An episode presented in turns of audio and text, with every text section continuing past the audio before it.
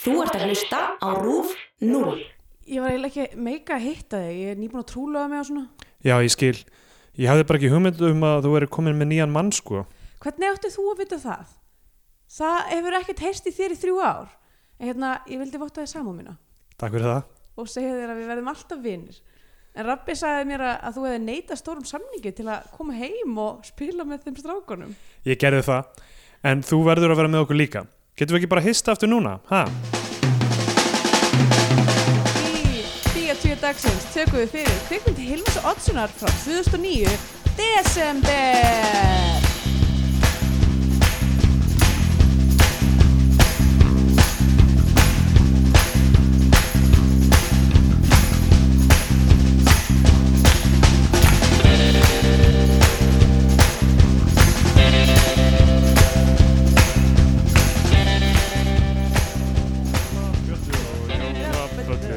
Jólaböllur oh boy.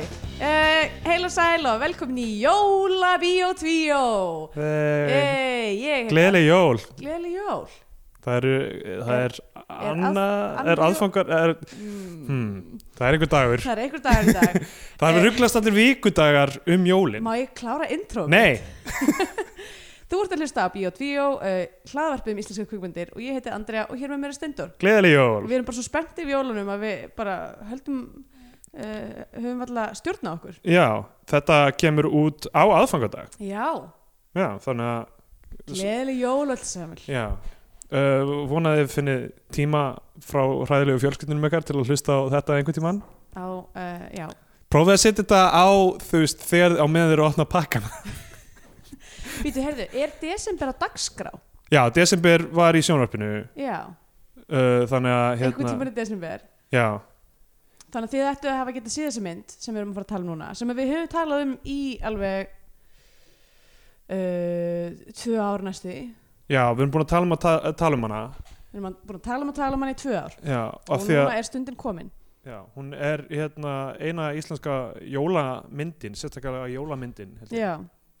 Svona sérstaklega, eða þú veist, það náttúrulega er 100 Reykjavík er tekið Já. þessi jólamynd Það eru myndir sem eh, eru með jólaatriðum eða Já, þú veist, einmitt, eiga sér stað að hluta yfir jólinu þetta á að vera einhvers konar jólamynd Einmitt. eh, hérna eitthvað t- tala um að- hana st- strax eða, ég, meina, Ég veit man ekki, viltu tala um hvað þú fæst í jólagjöf? ég, já, Nei, veit, það er Eh, jú, aðfangadagur, það er ekki ég get það ekki Nei, þú ég getur get ekki það ég get það En getur þú talað um núna hvað þú ætlar að gefa í jólagjöf? nei, hvað ef Ef, ef að einhver hlustar sem að er að fara að fá jólagjöf frá þér já, sleppir því að eyða aðfangadegi með þér og í staðinn þegar að hlusta á podcastið þitt já ég, þú veist, ég gef eiginlega bara tvær jólagjafi hvað sem er þannig ah, já, ok, að þú veist, ég meina Kristjana sko sér um sinn hluta fjölskyldunar já, sem er alveg fullt af fólki já, og ég á mömmu og systur Já. og þú veist ég gefi systur minni og manninum hennar já og þú Sameiginlega. gefur Kristjánu ekki gjöf nei við Kristina eh, ákveðum að hætta að gefa hvort öðru jólagjafir er það samt ekki svona pínu svona eitthvað svona að við ætlum ekki að gefa hverju öðru gjafir en svo gefið alltaf hverju öðru gjafir nei ég hef tvisar gefið henni eitthvað svona eitthvað sem okkur vantaði þú veist í eldhúsið bara Ok. eitthvað þú veist eitthvað svona s- sniðugt eitthvað avokadónýf já, Af eitthvað því sem, að að, við eitthvað erum- sem þú sást í kokku Eh, eh, nei hérna úti ég hef alltaf kæftið hérna úti já, þú veist. ok, ok Ég er ekki búin að því núna, þannig að þú veist, ég, ég vildi ekki að þetta er eitthvað tradisjón, þetta var bara, hei, okkur vantar þetta á heimilið, okkur ekki já, já, leiðin að opna eitt pakka á aðfangardagi sem kostaði þau 7 eurur eða eitthvað já, en hún verður alveg brjáluð það getur vel verið sko, Já. það verið brjálið en uh, ég menn hún á nefnilega ammæli 30. Já. DS einmitt, og þú veist hún fær þú veist einhvern almjöla gjöf þá já, við getum ekki talað um það núna Nei, við getum ekki talað um það núna Einmitt. og mér lókar ekkert eitthvað að tala um hvað ég gaf henni Þú veist sko, ok, jólin ok, við er, það er aðfangadagur í dag eigum við að tala um jólin viltu tala um jólina það? Já, þess að, hérna, neysluhyggju Oh, hátíð það þarf ekki að vera svona Nei, það þarf ekki að vera núna, það er rétt En Ég- hérna, eh, ég, sko, eh, sko, ég, þetta, þetta er ekki í lagi Nei, það er alveg rétt sko Ég hérna, ég upplýði eitthvað mó- fyrir, ætla það ekki svona uh, svo kannski kon- komið svona átta Nei, kannski svona fimm ár síðan Já, Nei, meira svona átta Ok, það, þú veist, það gerðist bara svona þegar ég var að vera fullorinn einhvern veginn, eða svona fara að vera fullorinn uh, kannski svona 23 eða eitthvað Já, það ætlaði ekki 5-6 ár síðan að, að ég svona upp, upplýði það um jólin svona settist niður til þess að borða með fjölskyldunum minni og upplifði bara svona eitthvað ó, vá, ég er orðin nógu gömul til þess að mér er sama um alla pakkana já, já, og bara eitthvað, það er ekki það sem þetta snýst um einmitt uh, og það hefur verið mjög frelsandi já, það er mjög af því fyrst að uh, þá bæði eitthvað svona nenn, er ég mjög lítið að spá í að gefa þér um pakka og líka mjög lítið að spá í að fá pakka já,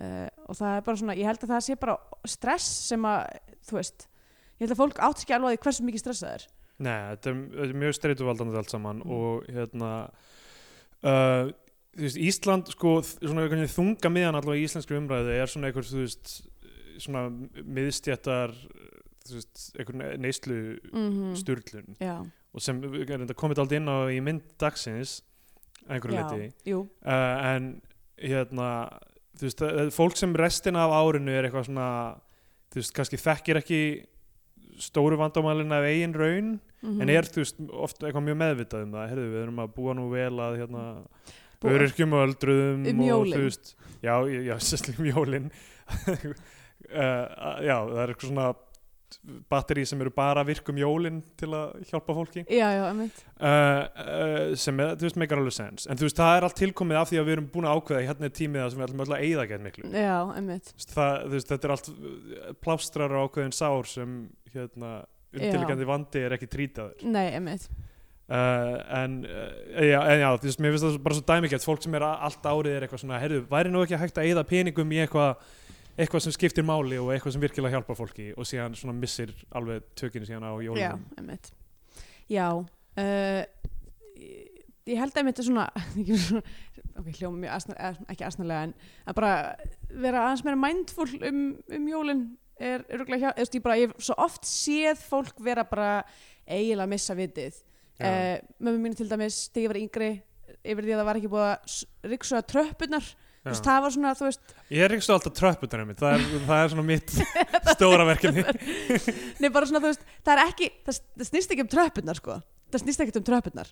Það snýst um eitthvað allt annað. En tröppurnar voru það sem að braut mömmu bara ja. já, uh, einjólin. Uh, og, og þú veist, og, og tröppurnar skipta yngur máli, skilur við. já, já ég, þú veist, ég skil ekki samt af hverju það að hafa það reynd á heimilinu snýr eitthvað af, þú veist, það er ekki sama umræða. Nei, nei, en þú veist, en það Já, þarf ég- alltaf að vera fullkomið fyrir, þú veist, bara þegar klukkan slæðir sex, Já, það þarf allt að vera tip-top, já, já. þú veist. Mér finnst það, þú veist, það, mér eins og finnst það maður miklu eins og maður sé eðlilega. eitthvað svona að eigða mómenti að fara hann á gestaklósett og, og njóta þess hversu hreint það er þú Já, veist Þetta er samt allt, þetta er allt ann, ég veit ekki, þú veist, ég veit ekki hvað argument þú ert að reyna að meika, en það, þetta er ekki eitthvað neysluhyggja argumenti allavega. Nei, ég, nei, þú veist, ég er að segja, ok, neysluhyggjan er partur af þessu, en líka hvernig þú veist það þurfa að vera ákveðna sortir, það þarf að gefa tíma í desember til þess að, og sér að tala um uh, kökur, þar að segja, uh, Já, það er að gefa tíma í desem, desember til þess að fara að hitta alla sem þú þekkir, já, einhvern það veginn, er rétt, já.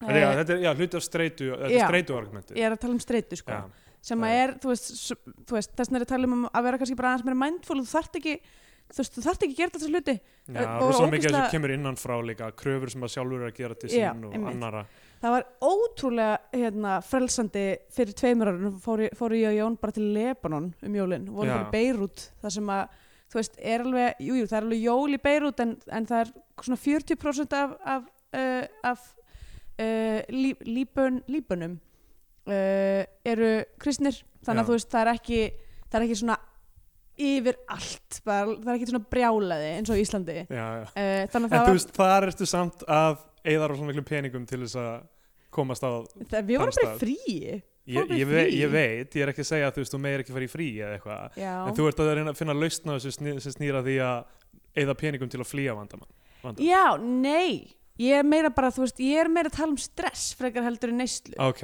ok Þú veist, að- Við erum að að tala um sitt hvort van, hlutin. vanlíðan við, við stressi sem tengi stjólunum, við upplöðum það ekki þegar við vorum í Beirut. Já, það meikar sens Og kemur aftur, byrjum bara að tala um þessa mynd af Því hún kemur inn á þetta allt saman Okay. uh, uh, og hún er, hún er freka preachy eins og við erum búin að vera þessar fyrstu tíu myndir Já. kannski uh, en hérna þ- desember fjallar um mann sem er búin að fr- flýja er unni stress Já, til annars lands flutt til Argentínu. flyttu til Argentínu Já, og kemur síðan aftur í bara þykkasta stresspakka bara sem sem sögur fara af og ég er rosalega mikið að, þú veist, ég veit ekki alveg hvað argumenti þessi myndir er reyna Nei, eiginlega ekki, af því að hún er bara eitthvað svona ok, uh, ég veit ekki hvað maður að þetta segja er mynd eftir Hilmar Oddsson, við höfum hort á nokkrar myndir eftir hann Já, eða hann ekki? gerði Tár úr steini sem Já. var aðeinsleg og svo gerði hann líka aðra, uh, kalda eins og- ljó sem var a- afleitt afleit og eins og skefnum degir sem var því miður ekki eins góða nafnið nei, sem er rosalega gott nafn en illa hefnum mynd mm. mér finnst desember glata nafn á þessari mynd Já, þú veist, þetta er eins og bara, ef bara Gremlins héti Christmas eða Já, eitthvað, skilurðu. Þú veist, þetta er ekki, myndin fjallar ekkit um desember allar myndir eiga að heita hvenær það gerast já einmitt.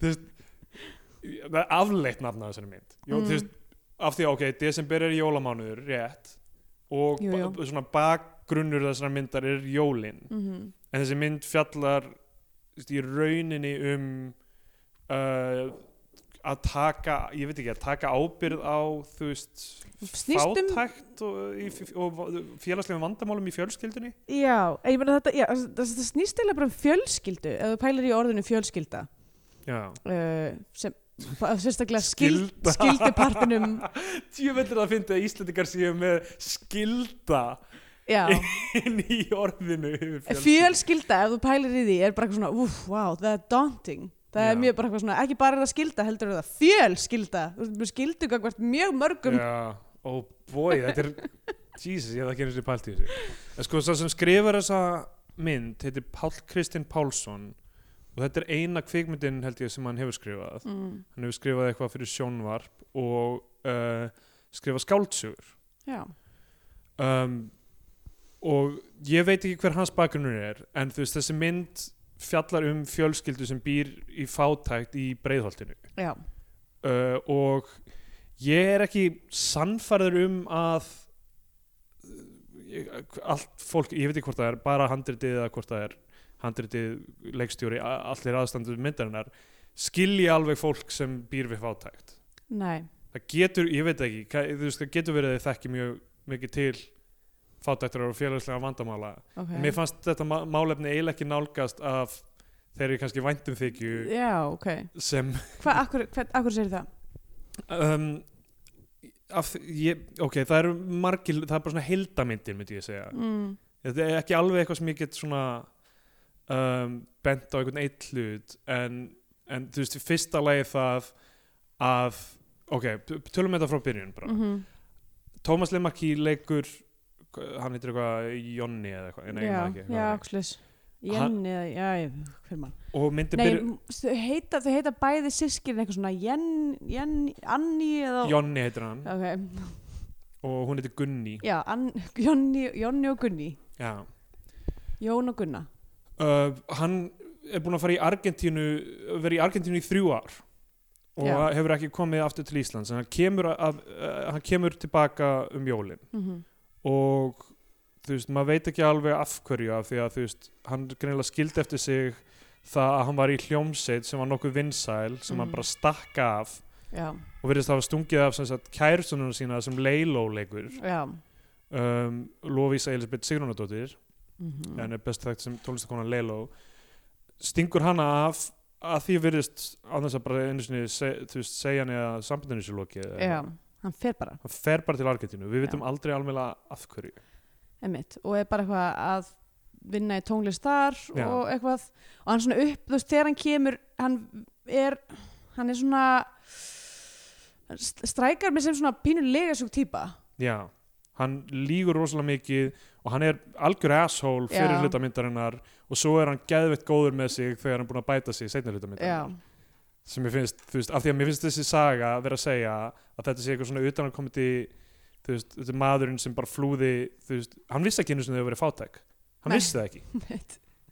hann hafði ekki hugmynd um það hann Mm. kemur aftur, hann redda málunum fyrir Já. allt fátækafólki Mm það er svona, svona heldamyndin kannski ef ég næ að reyna að koma inn í ykkur, ykkur, ykkur orð Já, hann er hérna hann, er- þú veist, fyrsta sem við sjáum, hann er góður hann er að passa badd, hann situr og kepla ykkur flugulli Mhm. og hann er svona að passa badd fyrir einhverja mömmu sem þurft eitthvað eð- eð- eð- sem, eð- eð- sem sagt eitthvað Nei, eitthvað ok, týnt það barn, sko. dæmi, sko, það er einhver, er barn sem hefur greinlega verið að koma heim í flugi Já, og átt að vera sótt af flugullin en Af var mömmunni. ekki, af mömmunni, en var Já. ekki sótt og er þarna okkur um svona bekk þar sem stendur eitthvað svona unattended children eða eitthvað líka Stendur það þar? Það er fyrir ofan, já. What? Eh, ok, það er líka, það er líka svona frekar slaft uh, hérna, uh, compositing, eða þú veist, ég ætla að vera að nóta Já. það, að þetta var ekki alveg plakat. Um, Ég tók ekki eftir því plakati, ok, það er mjög fyndið. þú veist, ég Og held þetta að, er bara við það sem maður lappar út gegnum tollin, sko. já, já, einmitt, nákvæmlega, ég held samt að punkturinn hafi verið líka hvað hann á að vera, hann setur beint undir þessu skildi, Já, uh, sem sagt, Jónni, já, hann sé það líka. hann sé líka bara barn, en Já. þú veist, unattended child, þú veist, Já. hann er ekki, hann er ekki búin að taka ábyrðað fjölskyldunum sinni, hann er ekki búin að, þú veist, stíga í eitthvað svona fullanskó, hann er bara, þú veist, beilar á vandamálunum, flýg, flýgur til Argentínu og, og hérna, Já, en hann veit ekki af þessum vandamálum. Ég veit það. Það er það sem er svo styrlað. en hann er þetta bara, þú veist, fríða sig ábyrðað öllu, þú veist, hvort sem hann vissi af einhverjum vandamálum eitthvað, hann var bara eitthvað, "Eh, fjölskylda mín, bæ, Já, ég, ég, ok, mér finnst aldrei koma fram að hann hafi raunverulega... vitað hvað, í Já, hvað þú veist, eh, sendi. það er sérstaklega sagt að því Já. hafi verið haldið frá honum hvað Einmitt. fjölskyldanum var íllastöð fjárhúslega. Mm, Og ok, eh, hann, það er skítelsmúf að segja ekki kærustunum sinni ef hann er að fara mhm. og hljómsveita meðliminum. En hann, á- þú veist, hann heldur hefur einhver sérstaklega skuldbindingar til að eitthvað, til að, þú veist, vera áfram í þessari hljómsveiti ef hann vill ekki vera í henni. Nei, en kannski best að samt segja fólki. Já, algjörlega, ég er sammála því, hann hefði átt að segja en þú veist, mér, þú veist ég sé ekki að hann hafi nein, neina ábyrð aðra en það actually ég segja, heyrðu, ég vil losna undan þessari ábyrð, Mhm. að þetta er ekki ábyrð sem er föst á honum, Já, það já. er bara, hei, mér langar ekki verið sambandi lengur, mér langar ekki verið hljómsveit lengur bæ, Mhm. í staðan fyrir að segja um það þá bara fer hann, Já. en þú veist, ábyrðin er ekki eitthvað sem hann á að, þetta er ekki badnið hans, eða eitthvað þannig, en sko, en það, ég held að spurningin sem þessi mynd er samt að spyrja okkur, hver er ábyrð okkar Já, já. gagvart fólkinu í lífun okkar algjörlega uh, og þú veist, og fjölskyldan er náttúrulega kannski það eh, sem er svona nærtakasta þú veist, það er, það er eiginlega fordæmt af samfélaginu ef þú beilar á fjölskyldunni já, uh, en þú veist, ég myndi alveg líka segja þú veist, vini og, og, og sérstaklega samstarfsfólk sem að þú veist, treystir á þig að það er frekar skýta bara hvað, algjörlega, ég, ég, ég, Það er að er segja, bara líf, líf, það, sko. ég er að segja að það er skýt sko. en ég, er- já, ég er að segja að það er skýt en það er, þú veist, ekki eitthvað sem er óumflýjanlegt og þú þurfur að já, já, þú veist, vissulega, halda við sko. vissulega. uh, hann hérna sem sagt- Allavega þetta barn sjáum við séðan aftur setna í myndinni Eða, Já uh, Í kirkjugarði Þar sem að það kemur þá í ljós ástæðan fyrir að mamman kom ekki að sækja barnið á uh, flugullin var að hún var döið hæ? Já, stókst nótur að þetta ekki Nei, Ok Þau eru eitthvað lappandi í einhverjum kirkjugarði er það, Og- þe er það eh, þegar jarðaförun er? uh, Ég held að sé á jóladag Ef þau fara þú veist og vitja leðisins uh, leðismóðurinnar á, á aðfangadaga eitthvað líka og, og sen er það, þú veist, er svona, pa- hérna, eitthvað svona trakk það sem þau labba fram hjá einhverju annari ö- öðrum legstenni og það eru tvær mannskjur þar og badni sem að er fyrir fram að leiði stendur upp og þá er það drengurinn sem að hann hafi verið að passa Ah, ég sá ekki nú og vel okkur fram svona, í, okkur svona pappin grátandi ég sá ekki nú vel fram í drengin Já. í byrjun til að þú veist nótir þetta Nei, allavega hana En tjóðlega það er ógeðslega dark Ég veit það, ég var líka bara, wow Þessi mynd er rosalega dark Og sko, það er svo En- skrítið að því að, að, því að með við plakatið og með við hvernig svona hún Já. lítur út Lítur þetta svo þá romantisk lít- gaman Já, nákvæmlega, ég held að þetta væri bara eitthvað svona sérstaklega líka því að þú veist, í byrjunarmyndinni þá er hann eitthvað svona að koma á flugvelli Já. og það er eitthvað svona, Hann er með einhvern fáranlegan Panama hatt já, emmi, Lítur þetta svo algjör asshole algjör asshole og hérna, sem hann er já og hérna uh, uh, já, og líka alltaf einhver svona hérna, uh, ljósum leðurjakka, Já, svona fuck. svona, svona, svona uh, svona beislitum leðurjakka sem ég veit ekki hvort það sé bara því ég þekki persónulega uh, meira hátar asshole sem á svona jakka Já, já. uh, en ég, var- ég var bara "Ugh, þetta er ógslur jakki, hún er hræðileg típa þessi maður um, Hann er hæðileg típa Ha? Hann er Glötu típa hluti típa Þessi aðalpersonum í þessar mynd er fucking glata en svo þú veist, en svo eitthvað, er þetta, hann er eitthvað að koma til Íslands á flugvellinum, eitthvað og það er eitthvað svona, þú veist, eitthvað svona hress tónlist í gangi, Já, já. tónlistin er ógeðslega mismatched fyrir þess að hún er mynd bara finnst út mér um allt að svona, svona, gítar, svona gítarplokk já, hún er ógeðslega gítar, mikið- gítargull svo er svona nett, eitthvað svona, svona, frumsa- latino-esk já, eitthvað svona, mitt, eitthvað eitthvað sem að hann hendingar í þessu eitthvað sem að hann pikkaði upp í eh, Argentínu. Argentínu hann, hann, bara, hann er búin að vera þar og hann er núna, núna er hann að gera latino-tónlist og svo eru sem bara er svo s- vinsæl já, einmitt, Já, að allir það- eru það bara vilja "Vá." allir hann sko. hann er bara að fara að skrifa undir stóran samning Já. með þessa latinotónlist sína En það, það er líka, það er, ok, koma því á eftir já, já, einmitt og svo er eitthvað svona gítarplokk með leiló eitthvað svona classic krút, krút í leiló Já, já. eh, hérna, dæmi og svo er líka bara jólatónlist og Einmitt. kirkjutónli eða bara svona allt Þú þú veist, þetta er út um allt en allavega með við plakkaðið og hvernig myndin byrjaði þegar hún bara byrjaði að fara í bara eitthvað svona súrasta dæmi í heimi þá var ég bara, hvað er að gerast? Já. Hvað er þessi mynd? Ég held að þetta væri eitthvað svona eitthvað svona huljúvjólamynd Nei, hún er mjög langt frá því hún Já. er bara, og Sérstaklega mjög- þegar mjög- þetta mjög barn dark. komin í myndina ég var bara, oh my god, af Já. hverju er verið að segja okkur að mamma þessa barn sé döið? Já, hvað gerir það fyrir sko. það gerir ekki neitt fyrir neitt nema bara kannski það að þú veist, ég veit ekki það er, ég held að sé confirmation bias en man, upp, maður upplifir það svolítið að fólk degi yfir hátíðunar Já, já, já. Eh, það er bara persónulega hjá mér sko, pappi mynd og nýjástæk uh, En hérna, þú veist, en ég, það- ég held að það sé, þú veist, og mér fannst alveg áhugavert að horfa, þú veist, á mynd sem allar að fjalla um það, þú veist, hvað jólin, þú veist, svona harmur yfir jólin og það er fullt af fólki sem upplifi jólin sem bara versta tíma ársins, já, ekki bara út af stressinu og neysluhyggjunu eða eitthvað þannig, líka bara, bara, heldur bara út af minningum Já. eða brotnar fjölskyldur eða, þú veist, skilnaðir eða eitthvað þannig, þetta er bara Einmitt. erfiðu tími fyrir ósla marga já, sem er verið að, þú veist, het, fólk er að, þú veist, demba von á meiri áhyggjum með öllu hinu. einmitt ég er sko bara í setni tíð núna eftir, eiginlega, eiginlega bara eftir ég byrjaði með Jóni að því hann líka er skilnaðabann Já. og þú veist, þú finnur fyrir þessu stressi uh, að, að því ég hef alltaf, alltaf tíð verið svo ótrúlega mikið jólabann og bara svona aldrei sett sko stopp á það Já. ég held að bara, wow, jólin Já. eitthvað, bara í geggjum gýr og ekki sérstaklega svona mindful um það að þeir geti kannski vera, þú veist, eiga, Já, já, eiga erfitt og svona kannski aðeins meira farin að pæla í því núna einmitt. uh, Ég, ég held að svona aðalmálið sé bara, þú veist, maður veit ekki hva- hvað annað fólk er að ganga í gegnum, nei, þú veist, og það er ekki hægt að setja þessar kröfur á það. nei Um, og hérna, allavega, hann sem sagt, uh, ke- mamman sækir hann, uh, út af öll er það ekki? uh, jú, já, já. Og Gunnar, Gunnar Gísladóttir leikur hana Mhm. og, og það er fjölskyldubóð heima hjá henni, hún er sem sagt maðurinn hennar, eh, leikinn á Elerta Ingemyndu sinni, er á spítala er bara sjúklingur basically Mhm. uh, hann er ekki í þessu fyrsta bóði Þú veist, það er bara bóð he- heima hjá henni það sem er sýstir hans sem uh, he- heitir eitthvað Gunni eða eitthvað hannig Mhm. og uh, börnin hennar, hún á tvö börn er það ekki já, uh, og amman og afinn er það ekki já, og hann er að segja þeim frá þú veist uh, argentísku eh, svona, lífinu og hvað þau borða þar sko, þau eru alltaf að borða st- nautasteikur og það er svo Ugh. mikill, mikill matur Ah. svo og allir stórar fara- steikur alltaf eitthvað er, er, með eitthvað reikningsdæmi um, um hversu mikið af leifum er alltaf það er svo mikið allsnæktar já, dæmi einmitt. þú veist, ég er ekki alveg þú veist, ok, það getur vel verið að þú ég veist, held að Argentína sé svolítið svona bara þú veist uh, tvær stjættir já, ég meina þú veist, það- alveg, ég held að þú, þú getur alveg borðað vel af nautakjöti að þess að þú veist, vera nættilega ríkur eða eitthvað þannig sko. Já, ég veit það ekki um, Ég veit bara að það er uh, mikil fátækt og, já, já. og síðan er mjög ríkt fólk líka Einmitt, ég, ok, ég ég þekki það ekki nákvæmlega en þú veist, ég held að þetta dæmi það er allir með einhverja svona opna í, þú veist, einhverja í, í bakariðinu sínum eða eitthvað svona Mm. mm. verundinu sinni eða eitthvað sem er, þú veist eitthvað svona hlaðin opn sem þú verður að, þú veist,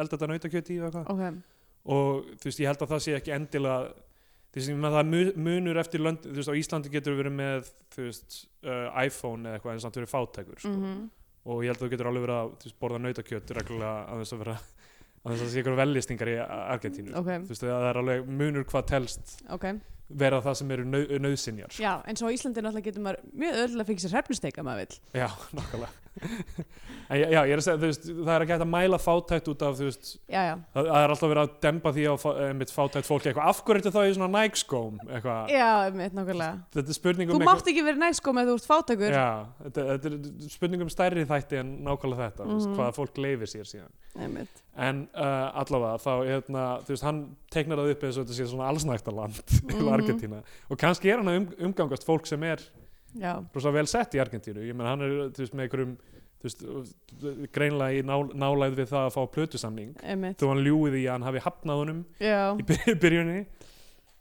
um, ok, og svo hann er greinlega þú veist, það elskar hann allir sko, sem tónlistamann já það er allir bara, eitthvað, þetta er bara Mhm. ótrúlegur bara tónlistamann brilljant hann, sp- hann er aðalega að spila bara á hljómborð Já, og svona eitthvað aðeins að uh, raula og það er bara, þetta, er- þessi gaur er svo mikil snillingur já hann er þetta besti tónlistamæður það hann er var í hljómsveitinni erindi sem allir elsku Allir elska og mun aftir já, uh, já, þetta er, þetta er pínu svona ekki alveg trúanlegt já.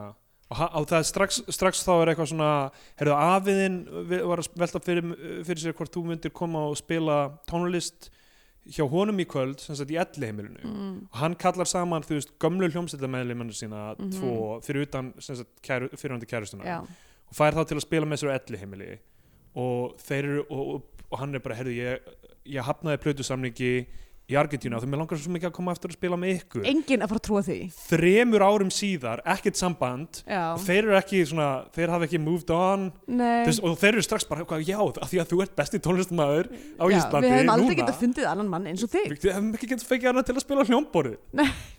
Og þetta er bara, þetta, þessi gaurar eru bara blown away að hann vilji vinna með hann Ó, aftur já, og hérna og þeir fara á barinn og þar hittaði einmitt hérna, Leiló og Stefán Hall sem Mhm. er nýju unnusti hennar já, og uh, þau, hann er nýbúin að byggja hennar og uh, þeir panta einhvern sturlan koktel Já. einhvern fáralega frúti koktel á einhverjum þetta er hérna uh, downtown bar já, þetta er við Östuvöll já, þetta er hérna þar sem að Nóra Magasín var já. uh, sem að hét Hét Íslenski Íslenski barinn barinn á einhvern undan tímann? já, mitt uh, og kaffibrennslan einu sinni já uh, ég held að v- við ættum að hætta að tellja upp hversu marga bari við þekkjum sem Já. voru þarna af því að það er merki um það að vera mjög gamall og núna veit ég ekki lengur sko, ok, þó ég komi reglulega til Íslands mm.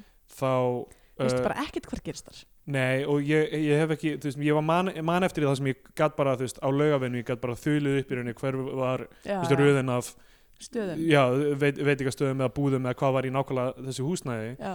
en núna, þú veist, af því að ég, ég er búin að venja mig við Berlínar ver, verðlag já, og, og, og haga neysluminn eftir því þegar Já. ég kem til Íslands, þá get ég ekkert verið að fara á bari sko. nei mitt, það er bara það heima er hjá bara sér. alltaf dýrt maður bara nema, nema sér kannski þú veist að fara þú veist að þú veist DJ eða eða, já, já, eða einmitt, vera já. með eitthvað live upptöku eða eitthvað svona það sem Nákvæmlega. maður fær ógips bjór á barnum já, já, þá, þá mega maður að fara Ef maður við erum að fara, við, við erum núna þegar þetta kemur út erum við á Íslandi já, og endilega ef þið viljið kaupa andu okkur drikk af því að við erum með fátæk já, ég, ok ég, ekki, nei, nei ok, nei. borgum, ég veit ekki einhverju, einhverjum öðrum en okkur já uh, hérna uh, takk hennan bjór og fara með henni í já, maðurastisnönd nákvæmlega, hellið honum upp í kokið á, hérna, henni, hvað heitir hún hvað, hvað heitir aftur maður að styrst nei, ég er auðvitað sem fjölskylduhjálp, Áskerður Jóna Flónsdóttir farið og hellið honum upp í kokið Áskerður Jóna Flónsdóttir oh boy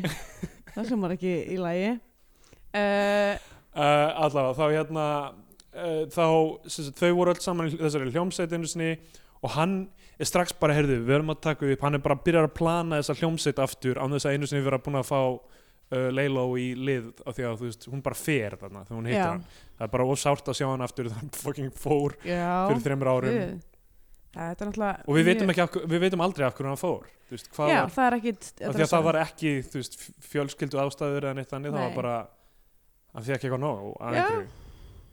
Það er bara hafði aldrei samband mm. bara asshole, nokkulega Ok, Argentína er svo random land til þess að fara til já, ég á vinnur sem fóru bara, þú veist, urðu ástangurinn á Argentínu sko. Já, en ég meina ætla hann hafi bara farið beint til Argentínu eða ætla hann hafi bara farið að ferðast og síðan verið í Argentínu og verið eitthvað hei, þetta er næs, já, ég er getur, getur verið, sko hér Allavega, langt að fara upp á eitthvað svona gambúl já um, hérna hann fer í stúdíóið og Björn Jörundur er það er einhver hakkaður stúdíó executive Já. hann segir við hann, heyrðu, hérna ég ætla að bóka tíma af því ég ætla bara að byrja að taka upp núna með þessari hljómsveit sem ég var að Hún er að skrifa svo, Reunite-a hann við búinn að bara í skrifa gær. svo rosalega mikið efni og, Já. og, hérna, og það er alltaf æðislegt allt frábært og, og, hérna, og, og Björn Jörundur er eitthvað, heyrðu, já, þú voru að borga eitt þriði af fyrsta tímanum fyrirfram Já, hversu mikið er það, ég meina uh, nei, ég held að sé eitt þriðja af öllu sem sagt, öll, allri bókuninni Ó, allri bókuninni, já, Já. það eru örugglega slatti sko. Mhm, uh, og Björn Rundur greinlega blankur fyrir jólin og vill fá þetta strax Já, svo gerist þetta klikkaða dæmi þegar við fara að sækja af, að pappan á hérna já Á ég reyndar sko, spítala. ég, va, ég veit ekki af hverju en ég var bara, m- ég upplegaði bara mjög stert að þessi mamma væri feig bara frá því ég sá Já. hana fyrst sko uh, Ég veit ekki alveg af hverju en ég bara var eitthvað, já það, hún er ekki karakter sem er að fara að lifa þetta af nei, uh, og kannski af því að hún er talin upp síðast í hérna, röð leikara í byrjumyndarinnar já, svona þú veist eins og í lokin þá kemur svona og þessi leikari sem er já, já, eitthvað sem er alltaf svona þetta var sérstakt Já. hlutverk sem Já. er mjög stutt og, uh, og bara, já, einhvern já, veginn. og er bara svona þú veist og oft er svona þetta featuring Já, oft er þetta svona leikararnir sem eru leika hérna eh, svona vi- vitrum, vitrum manneskjuna sem, Já. sem gefur ráð Mhm, eða er svona thematísk mikilvæg já, og, og oft er þetta svona eldri leikarar já, Morgan Freeman já, og- já ég, meina, ég myndi segja Sam Elliot er eiginlega alltaf í þessu spotti ah, já. þú veist, hann er eitthvað svona and Sam Elliot hann alltaf Eins sko og í er Big búin að vera Lebowski með og þetta skegg í svona 30 ár það veit enginn hvað hann er gamall af því Enginn hann veit hvað hann er byrjaði örugglega að vera með þetta skegg þegar hann var ennþá svona fertur hann er búin að, búin að líta út fyrir að vera gamall í 30 ár já, sem að mér finnst mjög gott sem sagt, svona strategy við það að svona eldast og, og hérna er bara að setla í eitthvað mjög ákveðið lúk frekar snemma já. og halda því bara, þá tekur enginn eftir þessu þetta eldast Mm, það er góða punktur sko. Ron Mael í Sparks uh, tók þessa ákvörðun og hann, sest, Sparks, hljómsdun Sparks er Já. sest, uh, bræður og og Ron er sest gæðin sem er með pencil mustache og er óslega skrítinn já, og svona alltaf svona vaskreitt hár og hérna hinn, hvað heitir hann aftur Uh, ég man ekki hvað hinn þetta er hann er búin að, maður sér það bara núna þegar maður sér það á upptökum núna að hann er búin að eldast hellinga því að Já, hann já. ákvaði ekki eitthvað svona ákvaði lók en, ma- en Ron lítur alltaf eins út John Waters búin að vera svona þú Já, nokkruða, veist, ógeðslega John Waters lengi sem er með- sama pens- pencil Já. mustache look uh, Fuck, ég, er ekki, ég hef nefnilega ágjör á því að ég er með sítt hár Já, að það muni alltaf lúka verr og verr með árunum af því að bara svona kollvikin hækka og hérna, hárið verður bara Ertu sérst svona bara búin að óherbriðara ákveða núna að þetta verður þitt Nei, nefnilega ekki, sko en, en það sem ég er, mér finnst ég strax sjá ellimerki á hárinu mínu Já, og hérna, ég vil ekki ég veit ekki, mér er líka s- sem ég saman um útlitið mitt að mörguleiti en Mm. þú veist en mér langar ekki eitthvað rosalega li- lúka eins og eitthvað svona gamall rockari já, með svona þund sítt hár Já. Nei. af því að líka það er allt í lagi, þú veist, ég er allt í lagi snúðaður eða með stutt hár, sko Já þannig að- Ég- Já, það, hún getur alltaf kliftað þér hárið sko Já, það er alltaf ég, kannski, ég, þú veist, já, ég get tekið Það er að eitthvað svona koma big jól. swing einhvern tímann. Þú ert ekki Já. að fara í jólaklippingu Ég var í jólaklippingu, Já, ok tókst ekki eftir því. Nei, ég tók ekki eftir. Uh, allavega þá hérna þau sækja hann á spítalan og hann er bara veikasti maður í heimi hann er bara hóstandi, hann er með svona súrefni í nefinu Já. og þú veist, er bara lukkar svo illa þegar hann er bara eitthvað í, í einhverjum lörfum fyrir utan spítalan þegar þau sækja hann Já.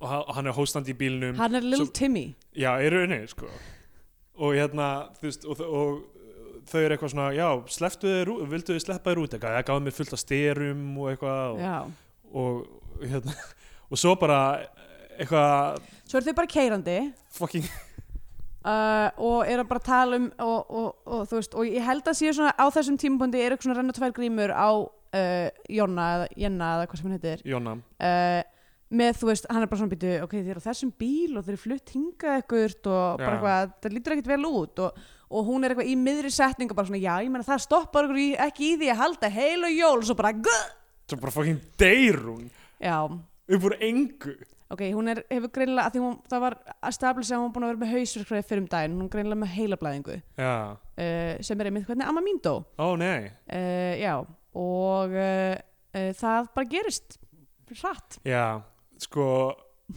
heila blóðfall Já.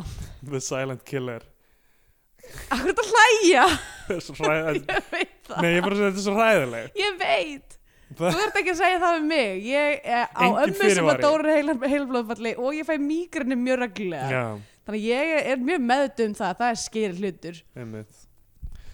Uh, já, og hún bara fucking já, hún bara rekkur upp að hrekkur upp af í bílöndi, keira út af bara, Já. þú veist uh, já, og svo bara er svona nánast smasköttu bara í hérna, eitthvað svona þú veist eh, eh, hvað segir maður, líkvöku eða, Nei, þau, nei þau, þau, þau eru bara all heima eitthvað að reyna að díla við þetta, átt að segja á þessu já og þá ringir hérna Leilo í hann mhm. og er eitthvað, heyrðu, hérna, þetta samtali í byrjun sem Já. er bara exposition hrúa eitthvað, heyrðu, já, þessi samningur þarna, þú veist, bara sem þú hafnaðir til að vera með okkur, þannig að við skulum endilega hittast Mhm. Eh, uh, ég er ennþá, ég var sjokki af því að þú fóst frá mér fyrir þreymur árum og hérna uh, samreikist erum við mömmu mömmu þína, þú veist, við vorum við þetta mjög náinn bla bla Mm. bla og það er ákveðið að þau hittist öll bara stræk, hann fer bara frá fjölskyldunum sinni Já, til að því hann er þess svo að- óabyrgur Já, uh, til þess að hitta gömlu hljómsveitamellumina sína og hann sér sér leika á borði að nýta sér dauða móður sinnar Ah. til þess að taka eitthvað lag, eitthvað fucking drastlag sem er hann er bara eitthvað mi corazón, eitthvað ok, Ah. hjarta mitt frábært Já. glísjutexti sem hann er með hana sem er Einmitt. bara í öllum ok, svona lögum mjög ótrúlegt eitthvað svona, textin er bókstaflega mi amor y mi corazón uh, Já, ástu mín og hjarta mitt já, og fólki sem er að hlusta er bara já, hvað er þessi textilum? bara, right, einmitt Það og hann er þekkir ekki eitthvað, æ, sneið af þetta er spænsku." bara eitthvað þetta er bara eitthvað ruggl, þetta er bara eitthvað spænska þetta þýðir ekki neitt, já. eitthvað hann segir nákvæmlega þetta er bara eitthvað bull, spænska, eitthvað spænska eitthvað. og hann hérna hann bara hugsa bara þetta mun koma mér aftur á toppin þetta sorglega lag um móðu mína sem ég skrifaði um einhverja fyrirverandi kærustu já, í einmitt, Argentínu, einhverja stelpu sem ég var að hitta þar þetta mun koma mér aftur á toppin ég mun Mm. spila því jarðaförinni og þetta verður svo vinsælt já og það elska líka allir þetta lag það er allir bara, allir "Hvað- bara, ó, það er svo mikil Já, tilfinning Stefán Hallur sér myndbandið í setna og er bara eitthvað grátandi þeirra gráta, já að þetta, er bara, bara, þetta er það sem bara, hann er grinsinn og hann bara, hjarta hans bara stækkar um þrjú Já, númer bara við að hlusta þetta mikora svonlag hans þarna. og hann, hann er sérst útfarastjóri Já. kemur í ljós kemur á daginn, þau eru heima hjá Leilo í einhverju mestu miðstjættar heimili þú veist, sem við höfum séð í íslensku kvikmynd þú veist, já allt bara eitthvað svona spik og span þetta er svona, þetta er, þetta er, þetta er hús í ef ég þurfti að giska myndi ég segja í Lindunum í Kópúi já, já, uh, og uh, já, svona, svona early 2000s uh, arkitektur, mikið af svona uh, ho- be- svona hvössum hodnum, já, já. svona þú veist, innbyggðir hlutir svona steipu innbyggðir já. hlutir og, og innrettingar ljósar tech innrettingar uh, ég er að lýsa uh, heimili fóldra minna og hérna hann, að, þú veist, hann er bara eitthvað herði, já, by the way, ég er útfæra stjóri réttir og öllum kortið Já, þú veist, ég veit bara, hei, er ekki, það er Nafnspjaldið. að koma jól, það er allir að missa fólk já, hérna, bara ef okkur vantar ég veit ekki, ég held að það þykir smá taktlust í útfæra Já, kultúr en ok uh, það er by the way það, það, an, an, mér finnst þessi mynd snert á því sem er þú veist, mér finnst klikkað sérstaklega, þú veist, já, hafandi mist fóreldri Mm. og á þessum árstíma er þessi dauðakultúr sko, að þú veist, þessi, já, þú veist uh, núna þarf að þú veist, borga fyrir alla þessa hluti, þetta er rándýrdæmi uh, já. það þarf að borga fyrir kistu sem maður basically sér í þennan klukkutíma meðan jarðaförinni í gangi Einmitt. og hérna það þarf að borga fyrir þú veist, reytin og það þarf að erfi drikju það sem þarf að þú veist, Já, eitthvað svona fá. það, og það er ekki hægt að ræða þessi, þessi mál af því að þú veist, það er, Já. þetta er ekki tíminn þetta er ekki það er tíma að- til þess að ræða það er aldrei neitt sem ræðir Þetta er, þetta þetta er einmitt, þetta er pínur svona, þú veist, erfitt út af því að uh, Já, bara eða- eða svona, þú veist f- Þetta er fólk í svona viðkomsta ástandi já, og það Og- er business bak við þetta já, og þú veist ég er ekki, ég er ekki eitthvað þú veist, ég, ætla, ég er ekki eitthvað coming down á útfarastjórum eða eitthvað þannig, Ég er- Nei. þessi menning er bara eitthvað sem er ekki rætt nema þegar nákvæmlega Mhm. þessi business þarf að eiga sér stað einmitt og þetta fjekk mjög mikið á mig þegar pappi minn dó já. og allt í hennu þurfti ég að vera í einhverju svona taka ákvarðanir um hvernig einhver hérna, sálmaskrá átt að líti út já, og eitthvað svona, eitthvað þetta útlit versus þetta útlit og við getum haft hérna mynd af dúfu eða eitthvað svona og, já, og svo kemur presturinn sem er, þú veist, þarf að læra allt um líf manneskjunar já, og einhvern svona lá- þykjast þekkja nægilega fyrir í tilgangi já, ég sé þetta gert mjög vel og líka Ógeðslega rosalega illa Ég sé, þetta, þú veist, ég misti mikið af fólki í röð og Já, í svona tvö skipti var bara eitthvað hvað er Hvað? þetta að segja? þú veist Tekti enginn sem mannesku, Já. gæti enginn sagt neitt Þú Já. veist, og þetta er, þú veist, og maður þarf að díla við tilfinningar svo margra og ég, einhvern veginn, svona, ég alveg lokaði mig af í þessu ég bara Já. vildi ekki taka þátt eila meira en bara nöðsynlegt var já, en þú veist, þetta er sturlaður business og bara ferli eftir á já sem mér finnst ekki endi- endilega hjálpa það hjálpar fyrir ég held að það hjálpi meira fyrir þá sem eru svona aðeins lengra frá sem er ekki næ- nánustu aðstandendur Já, en nánustu aðstandendur þurfa að standa í þessu og sama tíma og þeir eru að díla við hann að missi já, á meðan þú veist svona second level er svona ok, mér langar að mæti í jarðaför, mér langar að hitta alla já, í einhverju hérna, uh, í einhverju erfidrykju og eitthvað Mhm. svona og það er svona minn minn process sem svona second level já, þú veist að sirkja einmitt en fyrir nánustu er þetta bara eitthvað svona hræðilegt bara Einmitt. eitthvað fyrir utan allt annað sem þau eru að gera þá er ég að gera þetta einmitt og þau, og þau fara inn í þetta ferli með sem sagt Stefáni Halli sem hann er kærasti fyrirhundi unnusti fyrirhundi kærastu hans já, og hann uh, Tómas sem sagt veit ekki að uh, þau eru fátæk þarna mm. hann byrja bara eitthvað svona, ég ætla að fá þetta, þetta er fínasta kistan og eitthvað svona ok, er það ástæðan fyrir að hann velur þessa kistu? já, af því að hann er með sýstu sinni, mér finnst þetta svo skrítið atrið á þessum tímpúti skrifaði ég, er hann sociopati já, en ég hugsaði það líka en hann bara veit ekki, hann er ekki búin að átta sig neitt á aðstæðunum að þau eru fátæk sko. já, af því að, af því að sko sýstir hann sittur hliðin á honum og er eitthvað svona, já, en ég meina þú veist við, það er nú aðrar kistur, eitthvað þú veist, er eitthvað svona að reyna að segja bara eitthvað, hei, við erum ekki Já, bara að kaupa og Stefán allur líka er meira að Já. segja bara, þú veist, sem á að vera svona ekki alveg nógu næs gaurin í þessu sem er mega jealous og eitthvað sko. Mhm, hann, hann, er, hérna, hann er bara eitthvað, já, það eru aðrar ódýrar þarna sko. já, mér fannst hann sem sko, fyrir að vera eiga að vera vondikallin í myndinni eða þú veist, ekki vondikallin en svona skrútsin eða já, svona já, það fannst mér samt vel skrifaður að þú veist, hann var ekkit, hann var ekkit laus við tilfinningar Nei, þú veist, alls ekki, og, sko. og, og mennsku, hann var bara, þú veist í erfiði stöðu og kannski pínu þú veist, shit í gæi uh, en ekki, ekki eitthvað svona algjört monster, skilur hann var Nei. ekkit eitthvað svona að íta að honum að kaupa dýrustu kistuna eða eitthvað svoleiðis já, já. um, Já, alls ekki sko og hérna þau fara þú veist að rífast í rauninni sko hérna hann, og- hann og sýstir hans yfir þessu máli þú veist því að sýstir hans uh, sko líka það sem hann gerir sem er svo styrla er að hann hann veit ekkert um fjölskyldinu sína mm, og hann fellir sýstu sína í rauninni sko já, hann veit ekki, hún er búin að fara í meðferð og eitthvað og hann er eitthvað svona, förum og fáum um okkur sherry í tár hérna, bara resum okkur við, hún er miður sín yfir mömmu sinni já, og þú veist sem að, ok, hann gæti ekki vitað greinlega, enginn sáður um það nei það er eitthvað svona meðvirkni í Eh, fjölskyldunum svakaleg meðverkni sem er annað íslenskt Já. dæmi og hérna, ég fattaði það ekki fyrir veist, mjög seint, já, herrið, það var hann sem gaf Sem henni að- fyrsta drikkin aftur þarna, nákvæmlega. eitthvað, eitthvað á mjög vulnerable stund og Einmitt. allt það.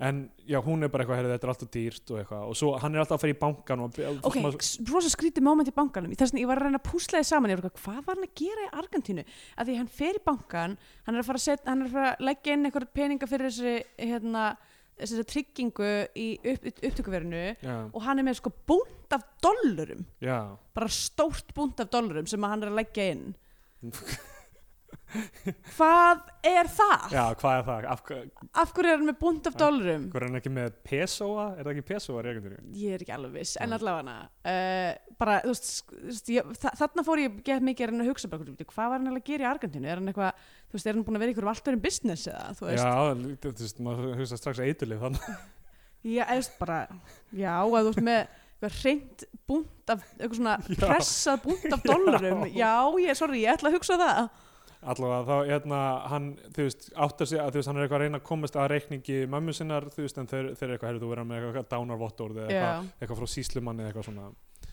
uh, hann er svo unlikable hann, svo er hann að tala um bara heyrðu ég ætla að spila þetta lag í jarðaförinni minni uh, Mm. jarðaförinni hennar já, þú veist emmitt þetta er bara eitthvað hans svið til þess að Einmitt. Hann er- Hann, það á þessum tímpundi var ég með bara, eitthvað, þetta, það er, er það það sem þessi saga er um, já, um að hann er eitthvað svona sociopati já. uh, en svo breytist hann bara allt í hennu í ykkur alltara mannesku já en þú veist hann fær samt svo mikið kikk finnst mér út úr því að þú veist hann fær síðan kikkið út úr því að vera ábyrðafull Já.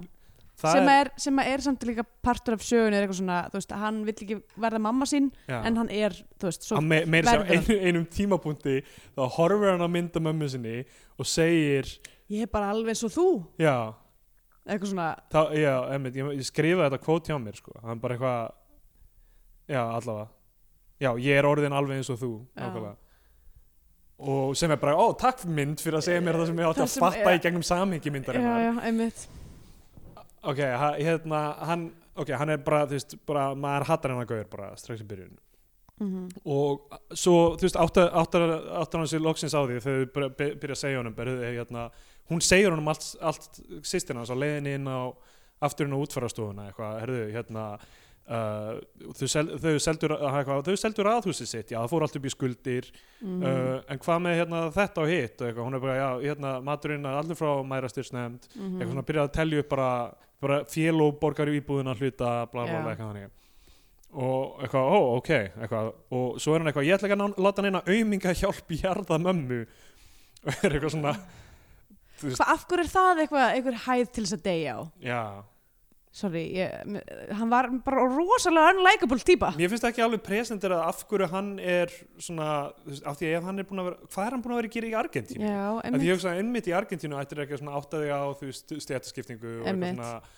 þú veist, er hann búin að vera að lifa eins og einhver kongur þar?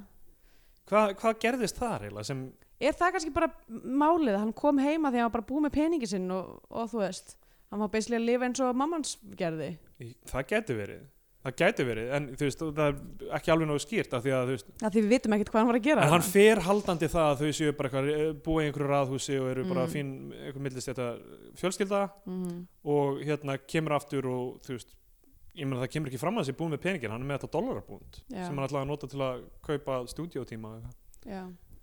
Já. Eh, sem hann myndi halda að stúdíótímar væri ódýrara í Argentínu og ég veit ekki, bara það sem hann fekk ekki plötusamning hjá einhverju fyrirtæki Já. ég veit, ég skil ekki alveg vand, vandan að, ok, hann fær ekki hann að plötusamning en hann er greinilega að gera tónlist fyrir argentínska markað Já. sem er bara eitthvað mikorosoan Já, mitt. yeah, ok, ég næ ekki hvað þessi gaur er að reyna sko. Nei, ekki heldur. Og líka hvað hva þetta argentinska útgáðfyrirtæki er að spá. já, við skulum fá hérna þennan fítasta gaur í heimi til þess að syngja Til þess okkar að myrða tónlistar eh, ar arlið okkar. um, og já, hérna þannig að þið ákveða að taka þessa fínu kistu þarna, Hérna sem Mhm. uh, fyndi lína sem Stefán Hallur segir sem hver drottning væri fullsæmd að vera jörduð í Já, emmitt. styrluðu lína, Hvað kostur svona, hvað kostar svona kistur? miljónir sko, eða eitthvað, þetta Jesus. er bara ógeðslega mikið sko. Ég veit ekki kostar hvað alveg ég... hest Á við hest. já, sem Og sem við vitum sem að er kost- mjög dýr. mil- kostar Biti, miljón ég fletti þessu upp. Hestar eru að fara á svona 800.000. já, alltaf þessi ekki Ok, jafndýrir sumir og- kannski á miljón, en þú veist.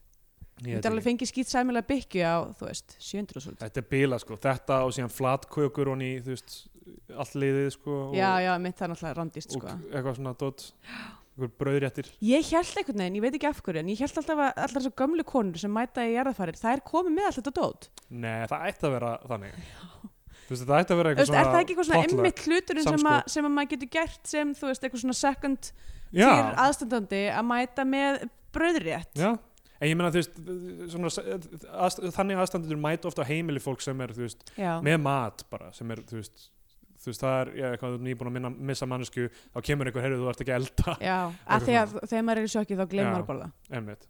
Uh, ég er ekki, ok, þetta á ekki að hljóma eins og ég sé að segja, þú veist, einhver, Komið með bröðrétti til mín! ég er ekki að segja, þú veist, fólk hérna á að standa sér betur eða eitthvað, það er allir að reyna sitt besta. Já. Það sem ég er að segja, það er enginn sem tekur umræðunum neitt af þessu, af því Nei, að hún er einmitt. bara, á Mér við finnst, bara á mér einum finnst þetta tíma. pínu stressandi líka skildi ég hrökkva upp af, Já. af einhverjum ástæðum er að, að, er að það er líka rosa stert regluverk í kringum þú veist, jarðafarir og svona þú veist, með bara, hluta minnst, þú veist, ég er ekki kristinn, Já. mér langar ekkert að vera í kirkjugarði en ég þarf lagalega að vera sett niður í kirkjugarði Það má dreifa, þú mátt fá leifi til að dreifa Já, öskunni upp, sem upp á framlega sem ekki- öræfum eða útsjó, Já. úthafi Einmitt, En sem er þú ekki þarf samt að fá varanlega leifi staður frá fórseta til þess að gera það frá forseta Já, okay. það er embættið sem þú þarf að fá leifi frá það skrítið embætti til að Já, ég, ég horf fram á þetta því að mammi vill láta brenna sig og ég þarf röglega að fara eitthvað klöngrast upp okkur öræfi með hana þú veist, þá orglega eftir að drepa sjálf mig í leiðinni Já. uh, að því ég gerir þetta er bara vítarhingur Já,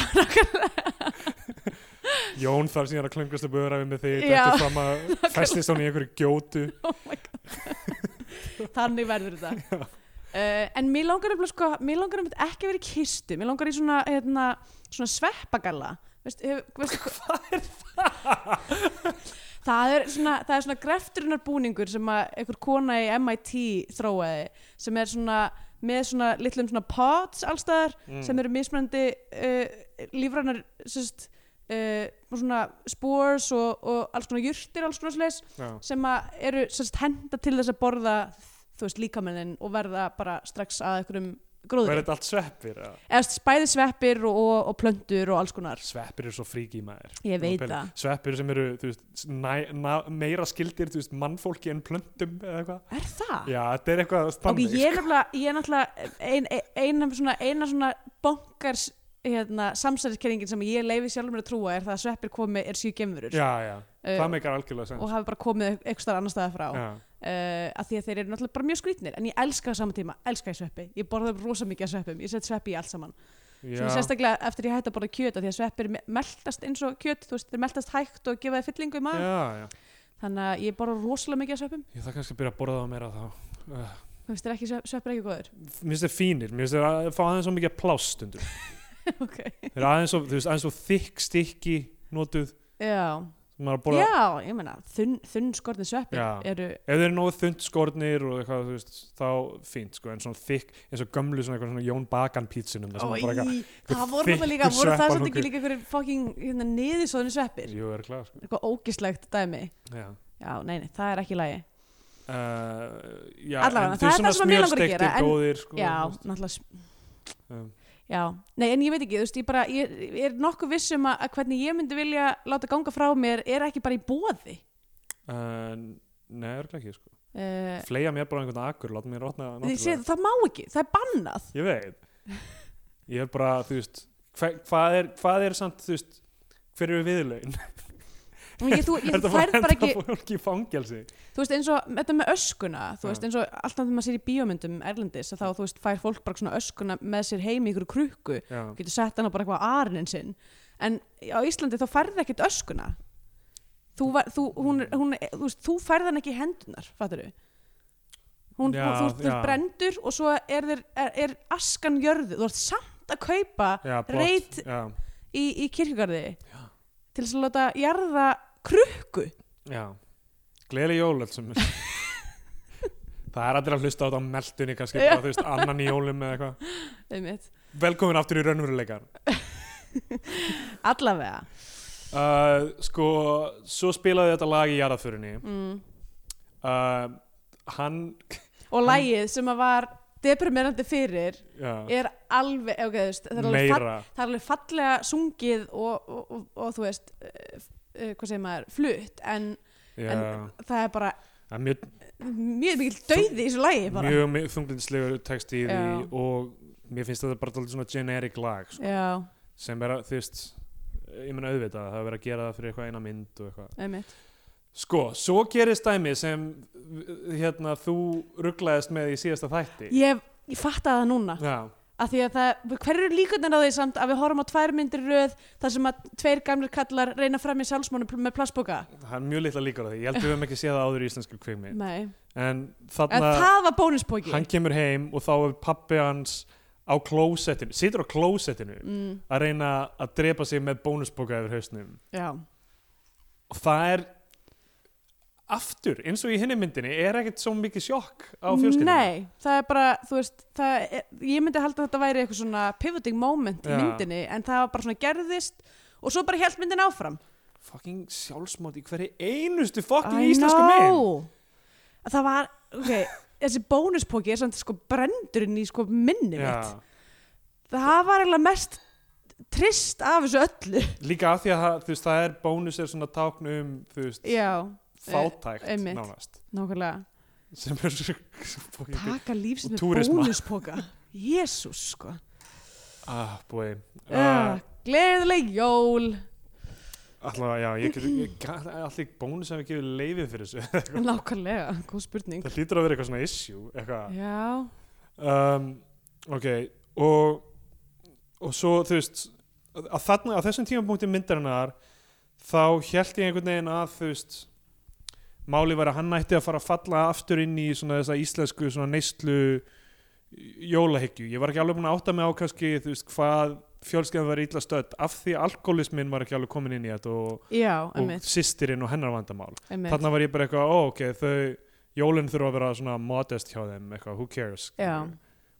um, þarna var ég eitthvað svona, já ok, er það skilabúðin að þú veist, þú getur ekki farið eitthvað til Argentínu á þess að koma heim til Íslands og síðan bara spenda sko. Já, um, hérna þau Stefán Allur allar að rukka fyrir söngin hennar Leiló já.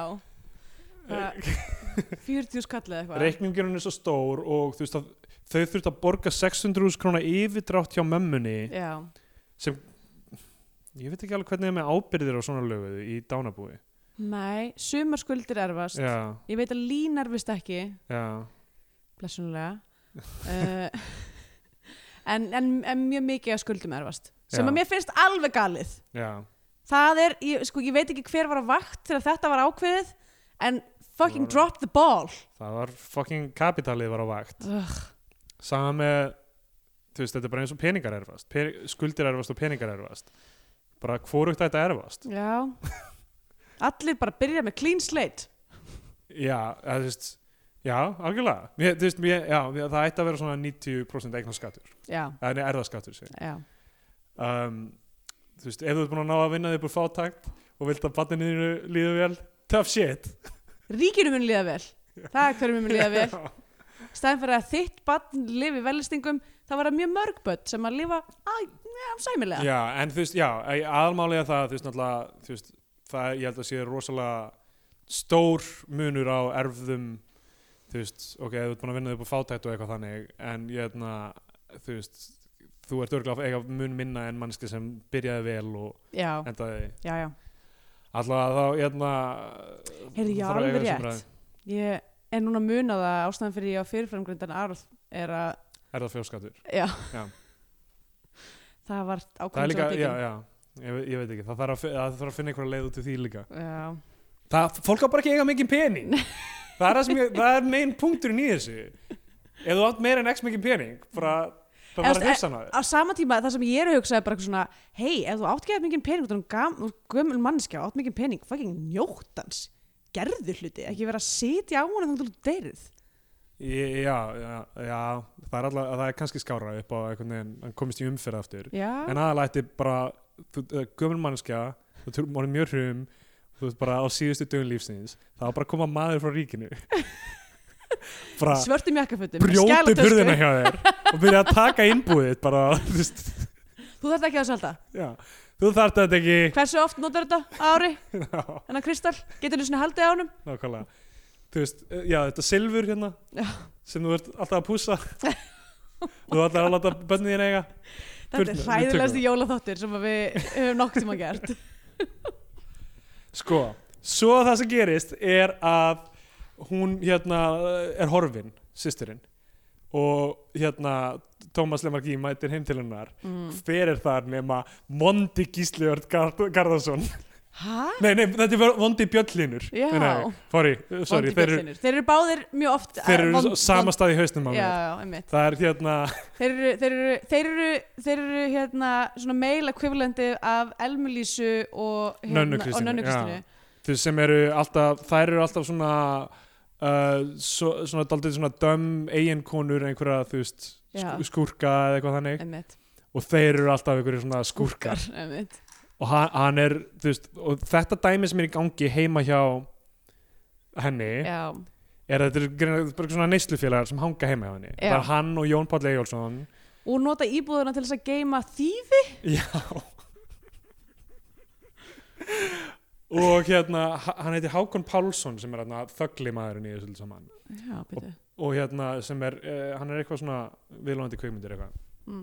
og hann er hávaksinn og, hann, og hann, hún er eitthvað að sofa hjá honum eða- Já, og þeir eru eitthvað þetta er eitthvað, þú veist það er, eh, þetta fannst mér líka það er engin væntum þykja í garð þessa dæmis alls sko. mm, nei, þú veist, eitthvað hérna þú veist, hún er nýbúin að missa mömmu sína já, og fellur og þú veist, a- allt sem þetta snýst um er bara hún er að að bregðast börnunum sínum sko. já, það, þú veist, það er ekki það er ekki eitthvað, hei, hérna, hérna er áfengisjúklingur sem Já, nei, að, þú nei. veist, nei, nei. Hún þetta er bara, hún er að bregðast börnunum já, sínum hún er móðir og mæður, láta mæður fá alkohólismann. enga sénsa. já, að láta alkoholismann þannig að Tómas Lefmarki sem er þú veist, mest skítall íslenska kveikmyndan ánægast hann bara, herðu, ég verða, verða ég verða bara þú þú veist, snitsa á hana sko. ég verða að Já. snitsa á hana, ég þarf bara að láta taka af henni börnin og þú veist, og láta t- gr- góma þessa menn og bara, þú veist, eitthvað þannig Já, uh, endan segir pappi hans, skilur nei, við fucking snitsum ekki á fjölskyldina hann bara styrla, bara veiki maðurinn bara Já. lýsi upp, einmitt. en svo bara myndin segir okkur síðan, nei, það er rétt Það er, það er rétt það er hluturinn rétt að bara taka þú veist, taka mannesku sem er svona veik og bara láta bara, þú veist, bara leiða lauruklunin inn á heimil hennar Já, aftur ástæða sem ég fannst að þú veist, þetta er ekki alveg með puttan á púlsunum á þessum félagslegu vandamálum sem einhvern veginn já, ég skil þig. ja. Ég veit samt ekki hvað ég myndi gera, sko. Nei, ég, ég veit þetta er erfitt, skilur ég veit ekki hvað ég myndi gera í þessari ástöðu, kannski myndi ég gera það sem hann, hann var að gera, Mhm. skilur ég, þú veist, ég, en þá ekki að mála mig upp sem hetju fyrir það Nei, þú veist, sem myndi gerir og þó, hún er á endanum bara þakkar hann fyrir það og eitthvað já, um, ok, hann er allavega þetta, þetta er eitthvað svona börnin eru gett börnin eru gett eitthvað svona alltaf eitthvað svona rödd samviskunar í þessu já. þau segja eitthvað við áttum bara að vera meðvirk kakvart þessu Það- með já, mömmu það er bara það sem að mamma kend Já, amma am, kend amma sagði bara þið eigi bara að vera meðvirk bara hann er bara, notuðu hún þessi orð og hann bara, Really? já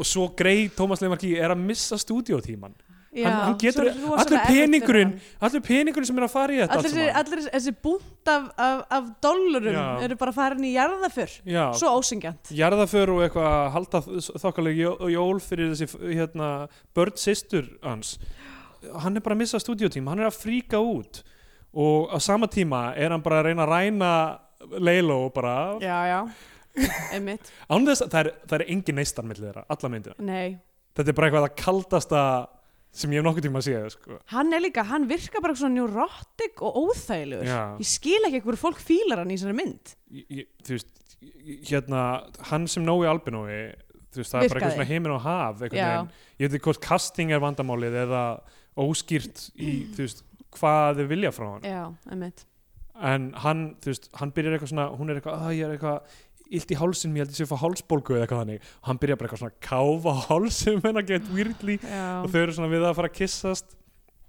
og hérna hann uh, fer síðan og er eitthvað að spila á elliheimirinn aftur uh, eða uh, hann er á elliheimirinn allavega, hitt, hittir afa sinn mm. fær símtalið þarna með eh, eitthvað frá bankanum sem er bara eitthvað herðið þú þetta, þessi amma og afi virðast vera fyrir eitthvað vel sett og eru bara innilega ekki að hjálpa neinum nei alls ekki og hérna, já, það, máli með málið með þetta með systur hans er að hann þarf að fá hana til að koma og skrifa undir ábyrð fyrir sig til þess að Já. græja þetta allt saman einmitt en hún er alltaf á fullu eða eitthvað til að geta að skrifa undir eða whatever og, það sem, og hann bara, heyrðu, hún er ekki að taka sinn hluta af þessari fjárhaldlegu byrðum sem við erum að, reyna að Já. hérna, díla við hann, uh, bankin ringir í hann meðan hann er elliheimirinn og er bara eitthvað, heyrðu, þú verður að fá þess að undirskrift hann fer eitthvað til afa síns mm, og er eitthvað, afi, ég þarf eiginlega að tala við um eitt mm.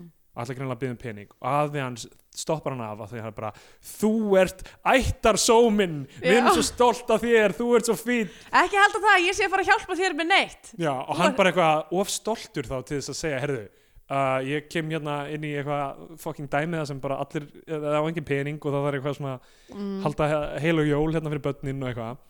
Nei, nei, bara þetta stoltið hann, stoppar hann í að byggja af hann um hjálp sem greinlega var option allan tíma. Þe- þau virðast alveg vera ágætlega sett þessi amma og afi Já, þau eru svona, dálítið svona, pra- þau eru eitthvað, það hafa aldrei verið peningavandræði í þessari fjölskyldu. já, segja þau á einu tímapunkti og þa- þau koma aldrei inn í myndina sem nema þarna þetta eitt augnablík þar sem stoltið hann stoppar hann í að já, maður sem er svo, svo, svo stoltur en hann fucking yfirgaf alla fyrir þreymur árum og Einmitt. allt í hennu er hann bara eitthvað nei, stoltið mitt ræðir ekki við." Uh, hann fyrir í maðurastyrstnefnd, bara eini kallmaðurinn þannig mm. nær einhverja póka til að fara með heim vonandi er þetta ekki bónuspókar því að þá fucking pappi hann styrlast og bara hendur þeim yfir hausinn aftur oh boy. um, og segir við myndina að mömmu sinni þarna, ég er orðin alveg eins og þú já Já. Hérna, og af hverju segir hann þýðir ekki það þá hvað að hann er farin að taka ábyrðin hann er lélegur í því já, ég veit að já, ég meina mamma smarkanilega aldrei að taka ábyrg nei, hún má bara setja plástra á, á Já. suðulsár já, þú veist, það, það var greinilega eitthvað svona þú veist, það er það sem ég skil ekki alveg eiginlega. ef þau voru að lifa einhverju svona high life mm, og þú veist, hún var að set, skuldsetja sér rosalega mikið til þess að þau lifðu svona já, af hverju er þá pappin aldrei búin að spyrja þú veist, eitthvað, hei, af hverju erum við flutt í þessa íbúð hérna í breiðolti og af hverju, þú veist, erum við að ég kera held að þessari þetta sé druslu- bara meðvirkni sem er náttúrulega íslensk þjóðuríþrótt En- uh, er það þú veist, ef það var greinilega alltaf pressa á að lifa svona hátt sko, kom hún ég- ekkert frá honum þá? Ég, er- mm, ég er nefnilega mig gru- eða svona, að því ég er að reyna að púsla þessu saman þetta með foreldrana, að því þau virka einhvern veginn eins og þau séu, einmitt, eitthvað voða fín Já. hvort að því að þ- hún er dóttir þeirra að hún get ekki, þú veist, sé vön einhverju ákveðnu Já, og, og, þú veist, og haldi sér bara við það strik, einhvern veginn já. jáfnvel þótt að hún hafi gefnaði Akkur mátti þetta ekki bara allt saman vera fátætt fólk frá upphafi Akkur, akkur mátti þetta ekki vera að hann var bara þú, veist, að flúði því þetta að, dæmi eins og við vitum bæði að þá uh, geta fátækir sjálf sér um kent Já Ég, þú veist, ég, það, þessi mynd er að reyna að segja einhverju sögu fátækra en þetta er miðstætta fólk sem tapaði öllu já, í rauninni, efri miðstætta fólk sem tapaði öllu og þurfti allt í hún að díla við það að vera fátækt já í rauninni og, og þú veist, hvernig hefði það verið ef hann hefði bara alltaf vitað að þau verið fátæk hann hefði bara ákveð að koma sér undan því já. og, sem er Dauðinn- kannski líklega og kannski dauði móðurinnar móður hans senda hann síðan heim mm. til þess að actually díla við þetta já, hvernig var þetta hefði verið bara saga fólk sem var alltaf fátækt og manneskunar sem flúði það dæmi og síðan hugsa bara þarf ég kannski að reyna aðeins að axla mín ábyrða þessu mm -hmm. það hefði verið auð, auðveld lausn á öllum þessum spurningum sem við erum með held ég já. En nei, nei, þetta, mist þetta fólk sem tapar öllu. Já. Uh, hann hérna, í staðan fyrir að cancela þessa stúdiótíma sem greinlega megi ekki býða, nei, það má ekki býða í nokkra mánuði með að taka upp þessa plötu og pó- bóka nýja stúdiótíma. ég skil ekki alveg hvað planið hans er hann er atvinnlaus Já. uh, og hann er með the- greinilega finite resources Mm. og ætlaði hann bara að taka upp þessa plötu dundar hann út og vonst þess að fá pening frá því bara akút Já, það er svo mikill peningur í íslenskri tónlist, veistu það ekki? ég er bara, sorry það? Akkur ekki að býða í nokkra mánuði með þessa plötu.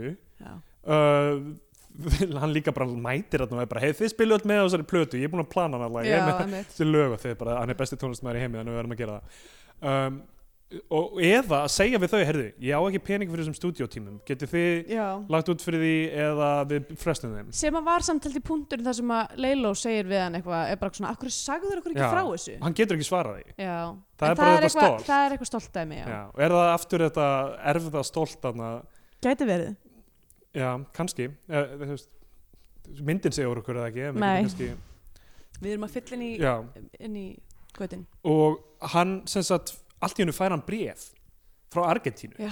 sem er bara, heyrðu, nýr forstjóri í útgáfi fyrirtækjur, hann elskar hversu stöfnir oft gerist það Enda er þú besti tónlistamæður ekki bara á Íslandi, heldur líka í Argentínu Já. og þó viðar væri leitað.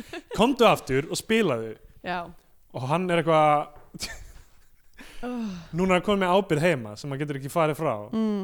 og en samt virðist aðal vandamálið hans vera það að hann ætlar sér að vinna Leiló aftur já. af því að, að hann er eina konan í lífur hans þó hann hafi þú veist náttúrulega verið með konum í Argentínu og skriðað lagum einu þeirra já, uh, og hérna og hann vill ekki svíka þessar hljómsett sína aftur Já. það er aðmálið hann, hann, þú veist, hann er á síðasta sjans Já, gagvand þessari hljómsveit já, eða svo þau myndi ekki skilja, herðu, hann er með einhvern rísa samning í Argentínu, Mhm. hvernig var hann myndi fara bara að taka upp þar og þau geta verið sessionistar á því eða já einmitt eitthvað þannig, eða þú veist eða hann tekur upp aðra plötu með okkur síðar eða eitthvað, þau eru Já. bara að býða eftir að hann einhvern veginn dragi sig upp úr einhverju tónlista meðalmennsku af já. því hann er sá einu sem er góður í tónlist sem að er ekki ljóst í myndinni Nei, fyrir áhörðan já, já, Um, Hvað er þið búin að vera að gera í þessi þrjú ár ánum þessar hljómbórsleikara? þessi gaurar verðist ekki hafa gert mikið Já. Leiló er náttúrulega bara komin inn í útvarabransan Já, hún er byrjuð að vinna finna með þessum gæja með manninu sínum sko, hann, já, s- svo, uh, þarna er hann búin að sem sagt, snitsa á sýstu sína og löggan lappar bara inn af því að hann hleypir þeim inn sem ég Já. held að sé ekki löglegt Já, hann er með likla já, en hann er ekki, þú veist, eitthvað svona í, í, já. Já. með lögheimilega eða íbúið eða eitthvað Nei. þú getur ekki bara, þú veist, af því þú ert með likla fyrir tilvíðunum, bara opnað fyrir Æ, ég held að þurfa að vera bara eitthvað probable cause eða eitthvað líka já, eða, þú veist, kannski segja hann bara þegar hann er fullt af því við hann já, sem að, hann var búin að sjá og hjálpa við að byrjinn Já, þannig að hann hérna, f- f- fokkar upp öllu sem hún er með í gangi sem, jú, vissulega er ekki f- fallegt mm. en, en þú veist, hann telur sig þess umkomin að bara Já. gera þetta að þegar hann er að fixa allt saman mm -hmm. um, svo uh, fer hann til pappa síns og pappa hans er eitthvað svona eitthvað svona me, að vera meðvirkur áfram og tala um hlutin þannig og hann fleir öllu fram hann í veika pappa sinn, hann er bara þetta er allt frá mærastist mennt og þetta bara eins og sýstina hafi gert við hann bara, já, og þetta bara ráðhúsið það fór alltaf upp í skuldir ég hef búin að þurfa að borga, eða öllu mínum peningum í þetta dæmi og ég er að missa stúdíótímanum minna já einmitt. það skiptir öllu máli og pappa hans er bara við að missa andan og hann er Já. Oh, bara að byrja að anda í brefpoka nánast, boy, skilur, ekki- eða bónuspoka og ekki bónuspoka samt Nei, og bara er að fríka út sko. hann, uh, hljómsveita meðlumindin hans eru orðin mjög reyðir út í hann af því að Mhm. þeir komast að því að hann borgaði aldrei fyrir þessa stúdiótíma sem Og er er svona komin... komin- skrítið að hann er að borga alla þú veist, alla ábyrðina já, já. og það að hann og þeir, þeir vita núna að hann er komið með hennar samning í Argentínu mm. og Leilo hefur sagt um það eða eitthvað hann mætir til þess að spila á einhverju jólaballi eða eitthvað Mm. og þetta, þetta er stóru giginn sem að þau eru að fá Já, þetta er það sem er í gangi þeir eru að spila á, við erum búin að sjá nokkur bönd sem eru svona þú veist, það er einhverjir duttar að spila á einhverjir svona starfsmenn að spila á einhverjir skemmtun að syngja ykkur jólalög Mm. annars staðar, já, öll giggin sem við sjáum hjá fólki er bara, þú veist, eitthvað jóla já, eitthvað jólaballa eða corporate gig já þetta er, þetta er það sem tónlistabransin er að gera þarna Já. og þetta er metnaðurinn Þetta töluðum við um jólatónleika í síðast já, þetta já, já, það er síðast að eitthvað Já, og hann hérna mætir inn á þetta, þetta er bara bonger sena allt er sturglað við þessa senu þeir eru búin að vera að hæpa sig upp í að konfronta hann með þetta hljómsveitamælum mm. hann lappar inn á þetta jólabal og það eru börn að lappa í kringum jólatrið Mhm. dansa í kringum jólatrið þeir eru upp á sviði fyrir það bara eitthvað að stilla upp fyrir tónleika sem eru að byrja eða eitthvað, ég veit ekki já, Eða hann er, ég man ekki hvort hann er seitt en nei, það er annað skipti það sem hann er seitt nú er að hérðu, já, fjölskyldum mín er að molna já. sorry ég var seitin eða eitthvað og þeir eru fúlutur í hann fyrir það hann lappar hann inn, annar gaurinn fucking stekkur af sviðinu bara og Bara bara, bara tæklar hann. tæklar hann inn í hópina börnum já.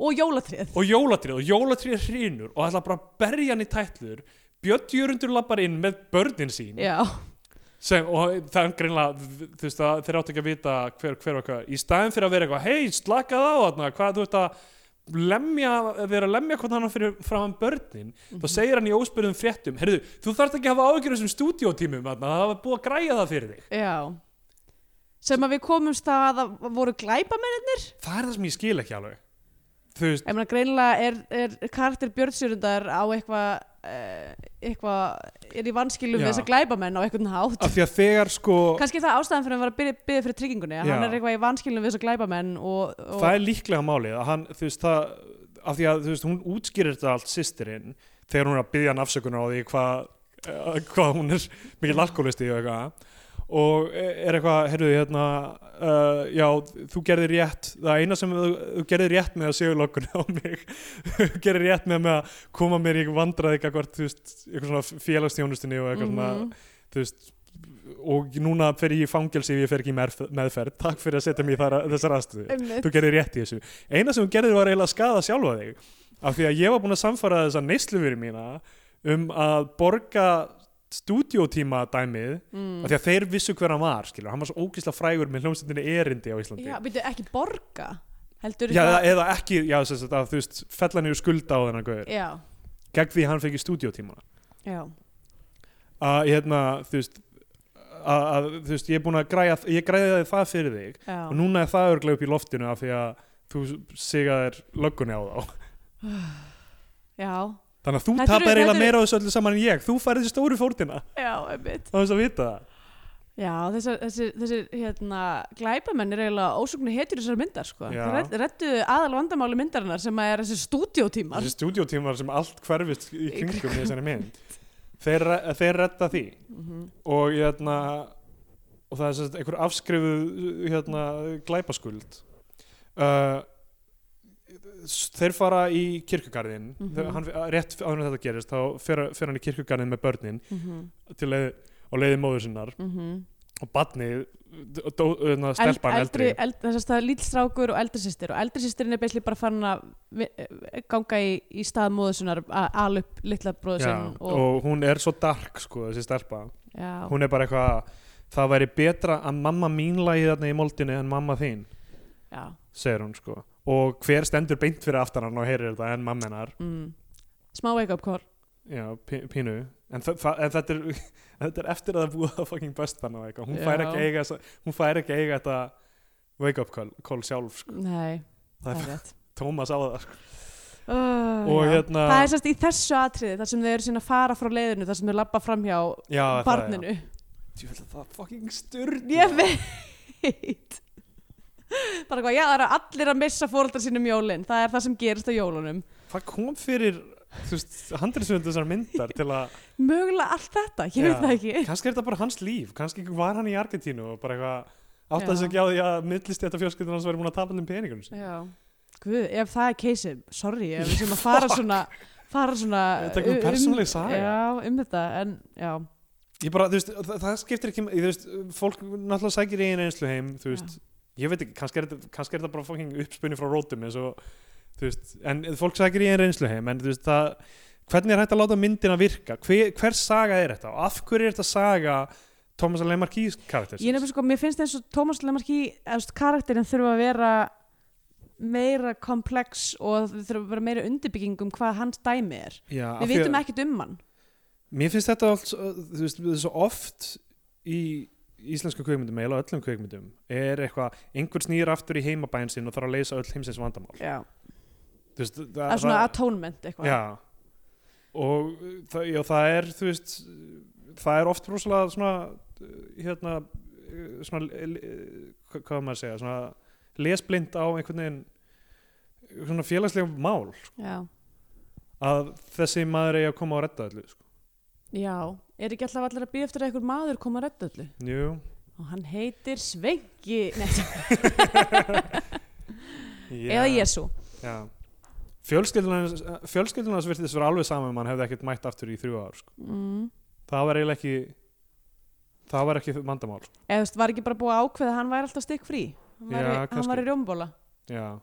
og hann er, hann er náttúrulega aðal stjarnar í fjölskylduna af því hann er besti tónlistamæður á Íslandi já, nemmit það sem hann ættar ættar sómin sómin Herru já, svo Leiló kemst ekki til Ísafjörðar mm -hmm. af því að það er ófært já, þannig þannig... að hún, í staðan fyrir að fara til mannsins síns og Já. eða jólunum með honum þá eyður hún honum jólunum með, Eh, var subtexti þarna það að þau hættu saman eða? ég veit ekki, kannski ok, en þú veist, tilfinningin sem ég fekk var að þau ættu að vera að byrja aftur saman þarna af því hún fer í mat til já, hans fjölskyldu og er með þeim já nei ég meina hérna útfarstjórin og Leiló já, já, ég, ég einmitt var að hugsa, þú veist, eru þau hætt saman mm. um, hann gerir náttúrulega ekkert ránt sko.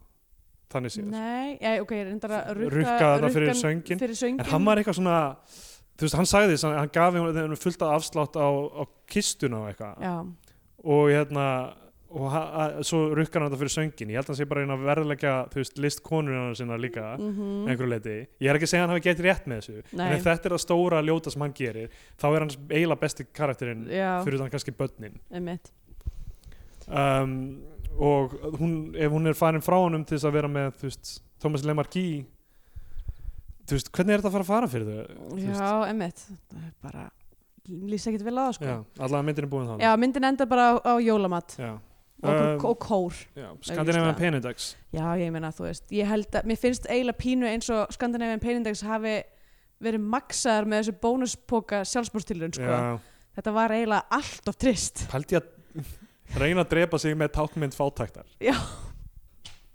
það, Það er bila tákmynd fátæktar og kapitalisma Já, eiginlega líka. sko. einmitt.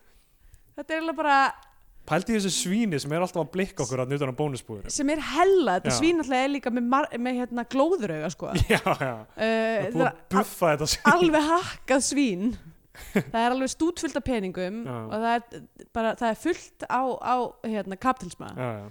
það er, eh, það er business drunk þetta, er- þetta svín er business drunk uh, en jú, jú, það er náttúrulega bara, þú veist, það var kannski toppurinn á eða, þú veist, rúsinn er pilsa endanum en þú veist, þetta er náttúrulega bara meðverknis hérna, þú veist, rjómaterta fátækt og stjættanúningur áfengisvandamál, döðsföll brotna fjölskyldur, já. þú veist það er bara svakalega mikið í gangi Já, uh, ég ætla að gefa henni bara eh, hérna ætla að gefa henni bara 19 af 21 uh, hérna sherry glasi já, ég gef henni 13 á 17 stúdíótímum þá komið þeim tímabútið sem gefur myndin einhver sess á flagskipi íslenska kveikmynda þá var hún í íslenska fánan eða við mælum frekar með því að hlustundur horfum einhverja bandarinska Hollywood-dellu og um farum bandarinska bjónan mm -hmm. já uh, ég skal bara byrja um, m- mér fannst hún ekki alveg nóg góð uh, eða þú veist það var bara svona alveg þetta klassíska í rauninni sem að við erum alltaf að tala um sem er bara handritið er ekki nógu vel ígrundað uh, Já. og kannski líka og þetta er nú kannski eitthvað sem við segjum aðeins minna en í- mér fannst ekki vera nógu mikið eitthvað svona hjarta í leiknum Nei, ég er mér alveg sko. fannst, mér, sammálaðið fannst, mér fannst bara svona fólk einhvern veginn aðeins á döft Ég var, ég, þú veist, þú veist, ég fann ekki fyrir henni passion það, það, ég, sko, ég myndi segja, sko, Laufi Elíasdóttir sem leikur hérna uh, möm, uh, sem, sem mömmuna sem alkoholistan kemst ágætlega frá því held já, ég, sko. hún, já, hún er eiginlega best fyrst Já. mér í sínu hlutarki en þessi, þe- þetta pering af Thomas Lemarki sem þessum sociopata Já. og Leilo sem eitthvað svona romantic int- interest er bara, ég, ég, ég næ ekki hvað var að vera að hugsa þarna. það Nei, er einmitt. ein, ekkert á milli þeirra það er alveg bara zero sparks Já. þetta er, þetta er ein, ein, eitthvað svona versta romantíska pering sem ég hef séð í Einmitt. Allavega og í svo, íslenskri sko, kvikmynd. og svo er þetta plaggat og, og hulstur á þessari mynd sem er eitthvað Já. svona þau eitthvað svona brosa knowingly til hvers annars og eitthvað svona desember, eitthvað jóla romcom já, mjög misvísandi já. þetta er sem jólamynd er þetta eiginlega hræðilegt sko. Já, en þú veist, þetta er ekki ég held að, þú veist, ég held það að er það sé ekkert samt fjör, ekkert pú- fjör í henni ég sko. held að það sé samt punkturinn sé þú veist þetta hætning eitthvað svona allt þetta er að gerast á há, þú veist, heilustu hátíð þú veist, Já, já. ársins eitthvað þú veist að það eigi að vera eitthvað svona það sem eru kröfur um ákveðna já, hluti. að íta, íta þessari framvindu yfir brúna og gera hana Mm. þú veist, meira einhvern veginn átaka meiri en mér finnst það samt bara eiginlega ekki alveg virka af því að kannski bara já, mér finnst ekki nóg mikið þú veist, það er ein sena þar sem að, þar sem að Leiló er í þarna, bíl og bara svona mm, trompast já, þar sem að ég var eitthvað, "Ah, ok, loksins er ykkur að koma með eitthvað smá fúttin í þetta og náttúrulega, hérna, sýstrin hún eh, nær líka alveg, þú veist, kannski að ná okkur um hæðum í já, já. tilfinningum en annars finnst mér bara flestir bara frekar einhvern veginn svona lástendir já. sem mér fannst, þú veist, það var ekki það sem þurfti Sko, ég, mér fannst mest samfænandi var þegar Erlerta Ingemyndarsson sem pappin hann að trompaðist en Já, það hringja á já. lögguna á, emitt, á hérna, sýstu sína sem síðan, þú veist sem ég var bara eitthvað, já, eh, já, algjörlega ekki, Mm. þú veist, hvað er það að gera hérna emitt þú veist, já, uh, þannig að það, þú veist hugsaði þetta aðeins lengra þú ert búin að vera á landinu í fokking viku eða eitthvað emitt, you don't know já, um, já, bara eh, þú veist, það er samt alveg sko, bara, það er alveg efnið við þarna en mér finnst bara ekki alveg nóg vel unni úr honum já, uh, og þú veist og kannski vantar eitthvað meira aðeins svona skýrari móralskal kjarna í þessa mynd já og, uh, og bara svona aðeins meira bara svona aðeins að skrúa bara aðeins upp tilfinningarnar og þú veist svona intensityið já, um, hún var að, hún svona hún leið aðeins of ljúflega í gegn fannst mér, já, já eða ekki ljúflega en bara svona ég vil líka segja að notkunin á tónlistinni sem er bara Já. stanslaust tónlistin er ekki að hjálpa neinu hún er bara eiginlega þú veist, þú veist allt, allt dramað sem var eiginlega sér stað já, hefði geta verið uh, þú veist, hætinað mér mikið með réttri tónlist, en í staðinn þá þú veist, þá ertu, þá ertu að fá eitthvað svona dramatíst moment millir sískina sem er eitthvað uppgjör og svo kemur bara eitthvað gítargull já, allt í já, einu. já. þú veist, það meikar ekki neitt sens þannig að það, þú veist, já það, nokkur hlutir sem að bara gera það verkum að, þú veist, ég, hún náði mér ekki þannig að hún fær bandarska bjónu frá mér já. uh, ég ætla bara að mæla með uh, Grand Budapest Hotel því ég var að horfa á hann rétt á henni kom Já. og, uh, og hún er merkilega jólaleg Já, gerst í ölpunum, einmitt. mikill snjór og svona og, og þú veist, þetta lít, þú veist, að- öll settin lítur svolítið út eins og eitthvað svona þú veist, eitthvað svona jólaskraut uh, já, já. já, þannig ég ætla bara að mæla með henni Cool um, uh, Ég hérna að Ég veit ekki, stundum finnst mér sérstaklega þegar jólin eitthvað, mér finnst ég að hafa farið alltaf hart á þessa mynd, sko, Já. ég ætlaði mér það ekki alveg í byrjun það, þetta, er bara per, eða þetta er bara hjá mér skil, það, það stuðar mig svo, það er alltaf handritin sem fari í taugarnar á mér, af því Já. að einhvern veginn það, mér finnst svo mikið af þessum íslensku myndum standa og falla með þeim og ég skil ekki alveg hvað var að vera að reyna að ná fram þarna Mm. með pe- persónunum, ég skil ekki af hverju þú veist, þetta var aðalpersónun en ekki einhver annar Mm. já, og ég skil ekki af hverju umgjörðin var af hverju byrjar þessi mynd ekki 20 myndum setna þegar mamman er dáin hann Já. mætir til landsins, þú veist við erum að horfa á 20 myndur að það vera sækjan út af völl bla Já. bla, eitthvað, hann er eitthvað að reyna að endur nýja tengslin við þetta fólk skilur, mhm, láta mannesku koma heim til þess að, þú veist, díla við þú veist, finna kall til skildunar eftir að, þú Já. veist f- fátæk móður hans deyr og það eru vandamál, já. þú veist ef við ætlum að hafa þessa mannesku sem aðalpersónuna yfir höfuð, ég hefði viljað sjá sýsturina sem aðalpersonuna já, og að algjörlega díla við það eitthvað svona entitled bróðirinnar kemur heim og skilur ekki neitt sem er í gangi 100% sko uh, og hún er að díla við sitt, sín vandamál og Þú veist, ef þessi mynd á að vera svona dark hvað sem er, ég segi það ef, ef þessi mynd á ef þetta er tilfinningar sem hún á að skilja okkur eftir með er bara eitthvað, fjölskyldan þín mynd deyja um jólin Þeim, þú mynd alltaf enda með að halda upp á jólin án einhvers sem, uh, sem þú elskar Jesus. ef það, er, ef það eru skilabúðin sem Já. er verið að senda með þessu sem þú segir að badninu sem var Já. eitt eftir á kemleikurflöðli mögulega af því að móðir hans dó í bílslisi á leiðinu þangað. já, einmitt í bara einhver árekstri á Reykjanesbrutinni ef þetta eru skilabúðin bara við getum öll átt von á þessum jólin Já. gleðileg fokkin jólin sem við gleðileg fucking jól Já, ef þetta eru skilabúðin og þetta á að vera svona dark bara fara alla leið með alkoholísku móðurina sem, Já. og, og entitled bróðurina sem er einhver tónlistamæður út í Argentínu og er eitthvað að fokkast um og geta nautakjöt já, ekki vitandi það að það hefur hræðileg áhrif á umhverfið já einmitt, og heilsuna já, nei, ég veit ekki með það, er það? Eh, Þú veist, ef þú ert að borða nautakjöt í öll mál, jú kannski, Mad já. cow disease til dæmis þú færð það ekki að því þú borðar of mikið nautakjöt Jú, þú færð það að því þú no- borðar nautakjöt sem er með Kreuzfeld Jakob já, að að því meira nautakjöt sem þú borðar, meiri því líkur meiri á- líkur á því þú getur fengið mad cow disease með sömu rökum getur þú sagt að þú er ekki að borða kála því það er mikla líkur að þú fáir E. coli af því að því meira kál sem þú borgar- borðar því líklega að þú fáir E. co- coli Já, en máli er það er ekki, það er rosalega erfitt að komast að því hvaða kýr eru með mad cow Já, það er líka mjög erfitt að komast að því hvað kálum í E. coli Nei, þú getur bara að reynsa kálið N- Nei, þú getur ekki bara að skóla kálið þetta er í lagi Jú, Mm, Nei, það er alltaf verið að innkalla kál út af þessu okay, Þú ert way off base með þetta nautakjöts ok, nei, en samt sem aður nautakjöti líka, eh, þú veist, mikil nesla á rauðkjöti Já, já, já hjart, það hjartasjúkdómar, er alveg- svo sem mér líka á rétt. krabbameini þú veist, það er bara alls konar Já, ég vissum að Argentínum en borða líka eitthvað annað bara að segja, það var svolítið, það var svolítið málað upp að hann væri bara að borða nautakjöti öll mál Af því að þau taka alltaf með heim af því að það er svo mikið sem þú færð þú tekur það með heim og Maður- borða restina klárar heila máltíðu, það er máltíð fyrir fjóra eftir á diskuðinu, Já, já. þú tekur hana heim og við ætlum að fara að gera þetta reikningstæmi, þannig er að borða nautakjöti í öll mál Já, en það, en það, já, það sem ég er að segja með þessa mynd er, þú veist, að það er alveg handritið og þú veist,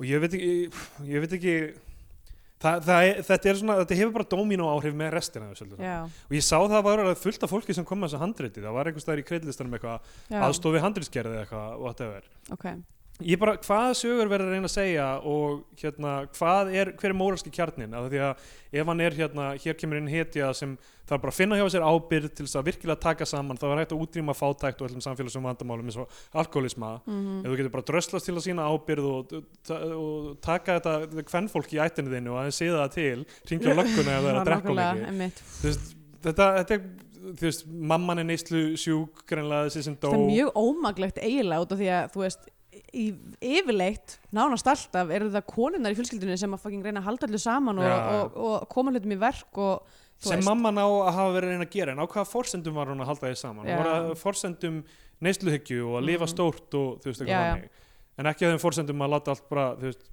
hún var að reyna að uppfylla einhver draum fóreldur sinna þarna, já, ef, ef við erum að lesa rétt í þetta já, sem á meðan pappanum virðist við að skýt sama eller það Ingemyndason er bara eitthvað að ég er á lífi, það er fínt Já. mamma en hún, ka- hún er svo góð með peninga þú veist, uh, við snitsum ekki á fjölskyldunum sína, hann Já. er eiginlega þú veist, og svo er bara í lokin bara, þú En hafði hann- rangt fyrir þér gamli maður En ég meina, hrópar hann er fram samt hann í svona- hann hann er samt svona held ég málar upp sem svona will, willfully ignorant bara Já, svona já. fjarlægi fjölskyldufæðarinn sem að vill ekki taka ábyrðan einu það er rétt, það, það getur verið en þú veist, já, hann virðist samt vera sama með þó þau séu bara að borða einhverja bónuskingu já, og þú veist, hann finnur sér ekkit fínt til þess að drepa sig með, það er bara þessi pó- póki bækvið mig góður þetta er að fara að vera leiðarinn út í, út í aðfangadagskvöld Shit, ok, já, en ég gefi þessi mynd, mynd bandarinska bjánan og mæli með gremlins uh, Hérna Þetta er búið að daldi leilur tótt fyrir Já, þátt sem kemur út fyrir- á aðfanga dag Þú veist Ok, leifum, við megum leif okkur eitthvað um jólin leifum okkur eitthvað um jólin en Já. hugsum um restina af árinu ef það er þannig sem við viljum hafa það, þú veist, ef ég ætla að vera jafn prítsi þessi, þessari- þessi mynd þá þú veist, er það skilabóð mm. þú veist, það fólk á erfitt líf líf margra er erfitt, maður veit aldrei hvenar, þú veist, hvað fólk er að díla við hverju sinni já og við erum bara góð hvort við hana Við erum bara góðkortun. Það er nú, e- það er nú einu sinni blessu það jólin. er eins og blessu jólin, þannig að eh, verið góð við okkur og, og followðu okkur á Twitter að Steindur ég er Jónsson að söfgalsi. Ef þið sjáu okkur niður í bæ, megið kaupanda með bjór. já, Ekki já, bjór samt að því að ég fæ svo í mana bjór. Það verður fínt að það verður rauðvin. já, þú veist svona beggars can be choosers dæmi hérna Ég trú ekki á það. já, og hérna ef þið Kötturinn minn trúir sannlega ekki á það. nei, Hann er alltaf, alltaf að byggja mig eitthvað og svo er ég eitthvað, já, viltu fá bita af þessum ost? Og þá, nei, ha, nei, þetta er ekki nógu góður ostu það fyrir er mig. fitni ost Hann vil fítni ost, já. um, þannig að munið það ef þið ætla að bjóða einhverjum upp að drikkum jólin að kannski fyrir bjóri ítla í, í þá Ég manneski segi það. og hérna Þú veist ekki um þarmaflóru þessa mannsku. reynda að læra um fa- þarmaflóru allra í kringu þig kynntu þið þarmaflóru vinaðina áður en ferð að fucking dæla í það í einhverjum bjór Já, skilurðu. einmitt. þú veist, þarmaflóru skiptir þetta mál og umfram allt, ef þið þekkið einhverja gamla mannesku um jólin Mhm. sem býr einn kannski og þú veist, á engan að en á rosalega mikið af eignum farið heim til manneskunar hrifsið, Eignirnar. Já. dreifið þeim meðal annara verið hrói höttur ef það er einn skilabóð, það bara finnið þessa sorglegu gamlu mannesku sem á Já. ekkert nema peningana sína Já. og bara rænið hana Gleðileg jól! Gleðileg jól!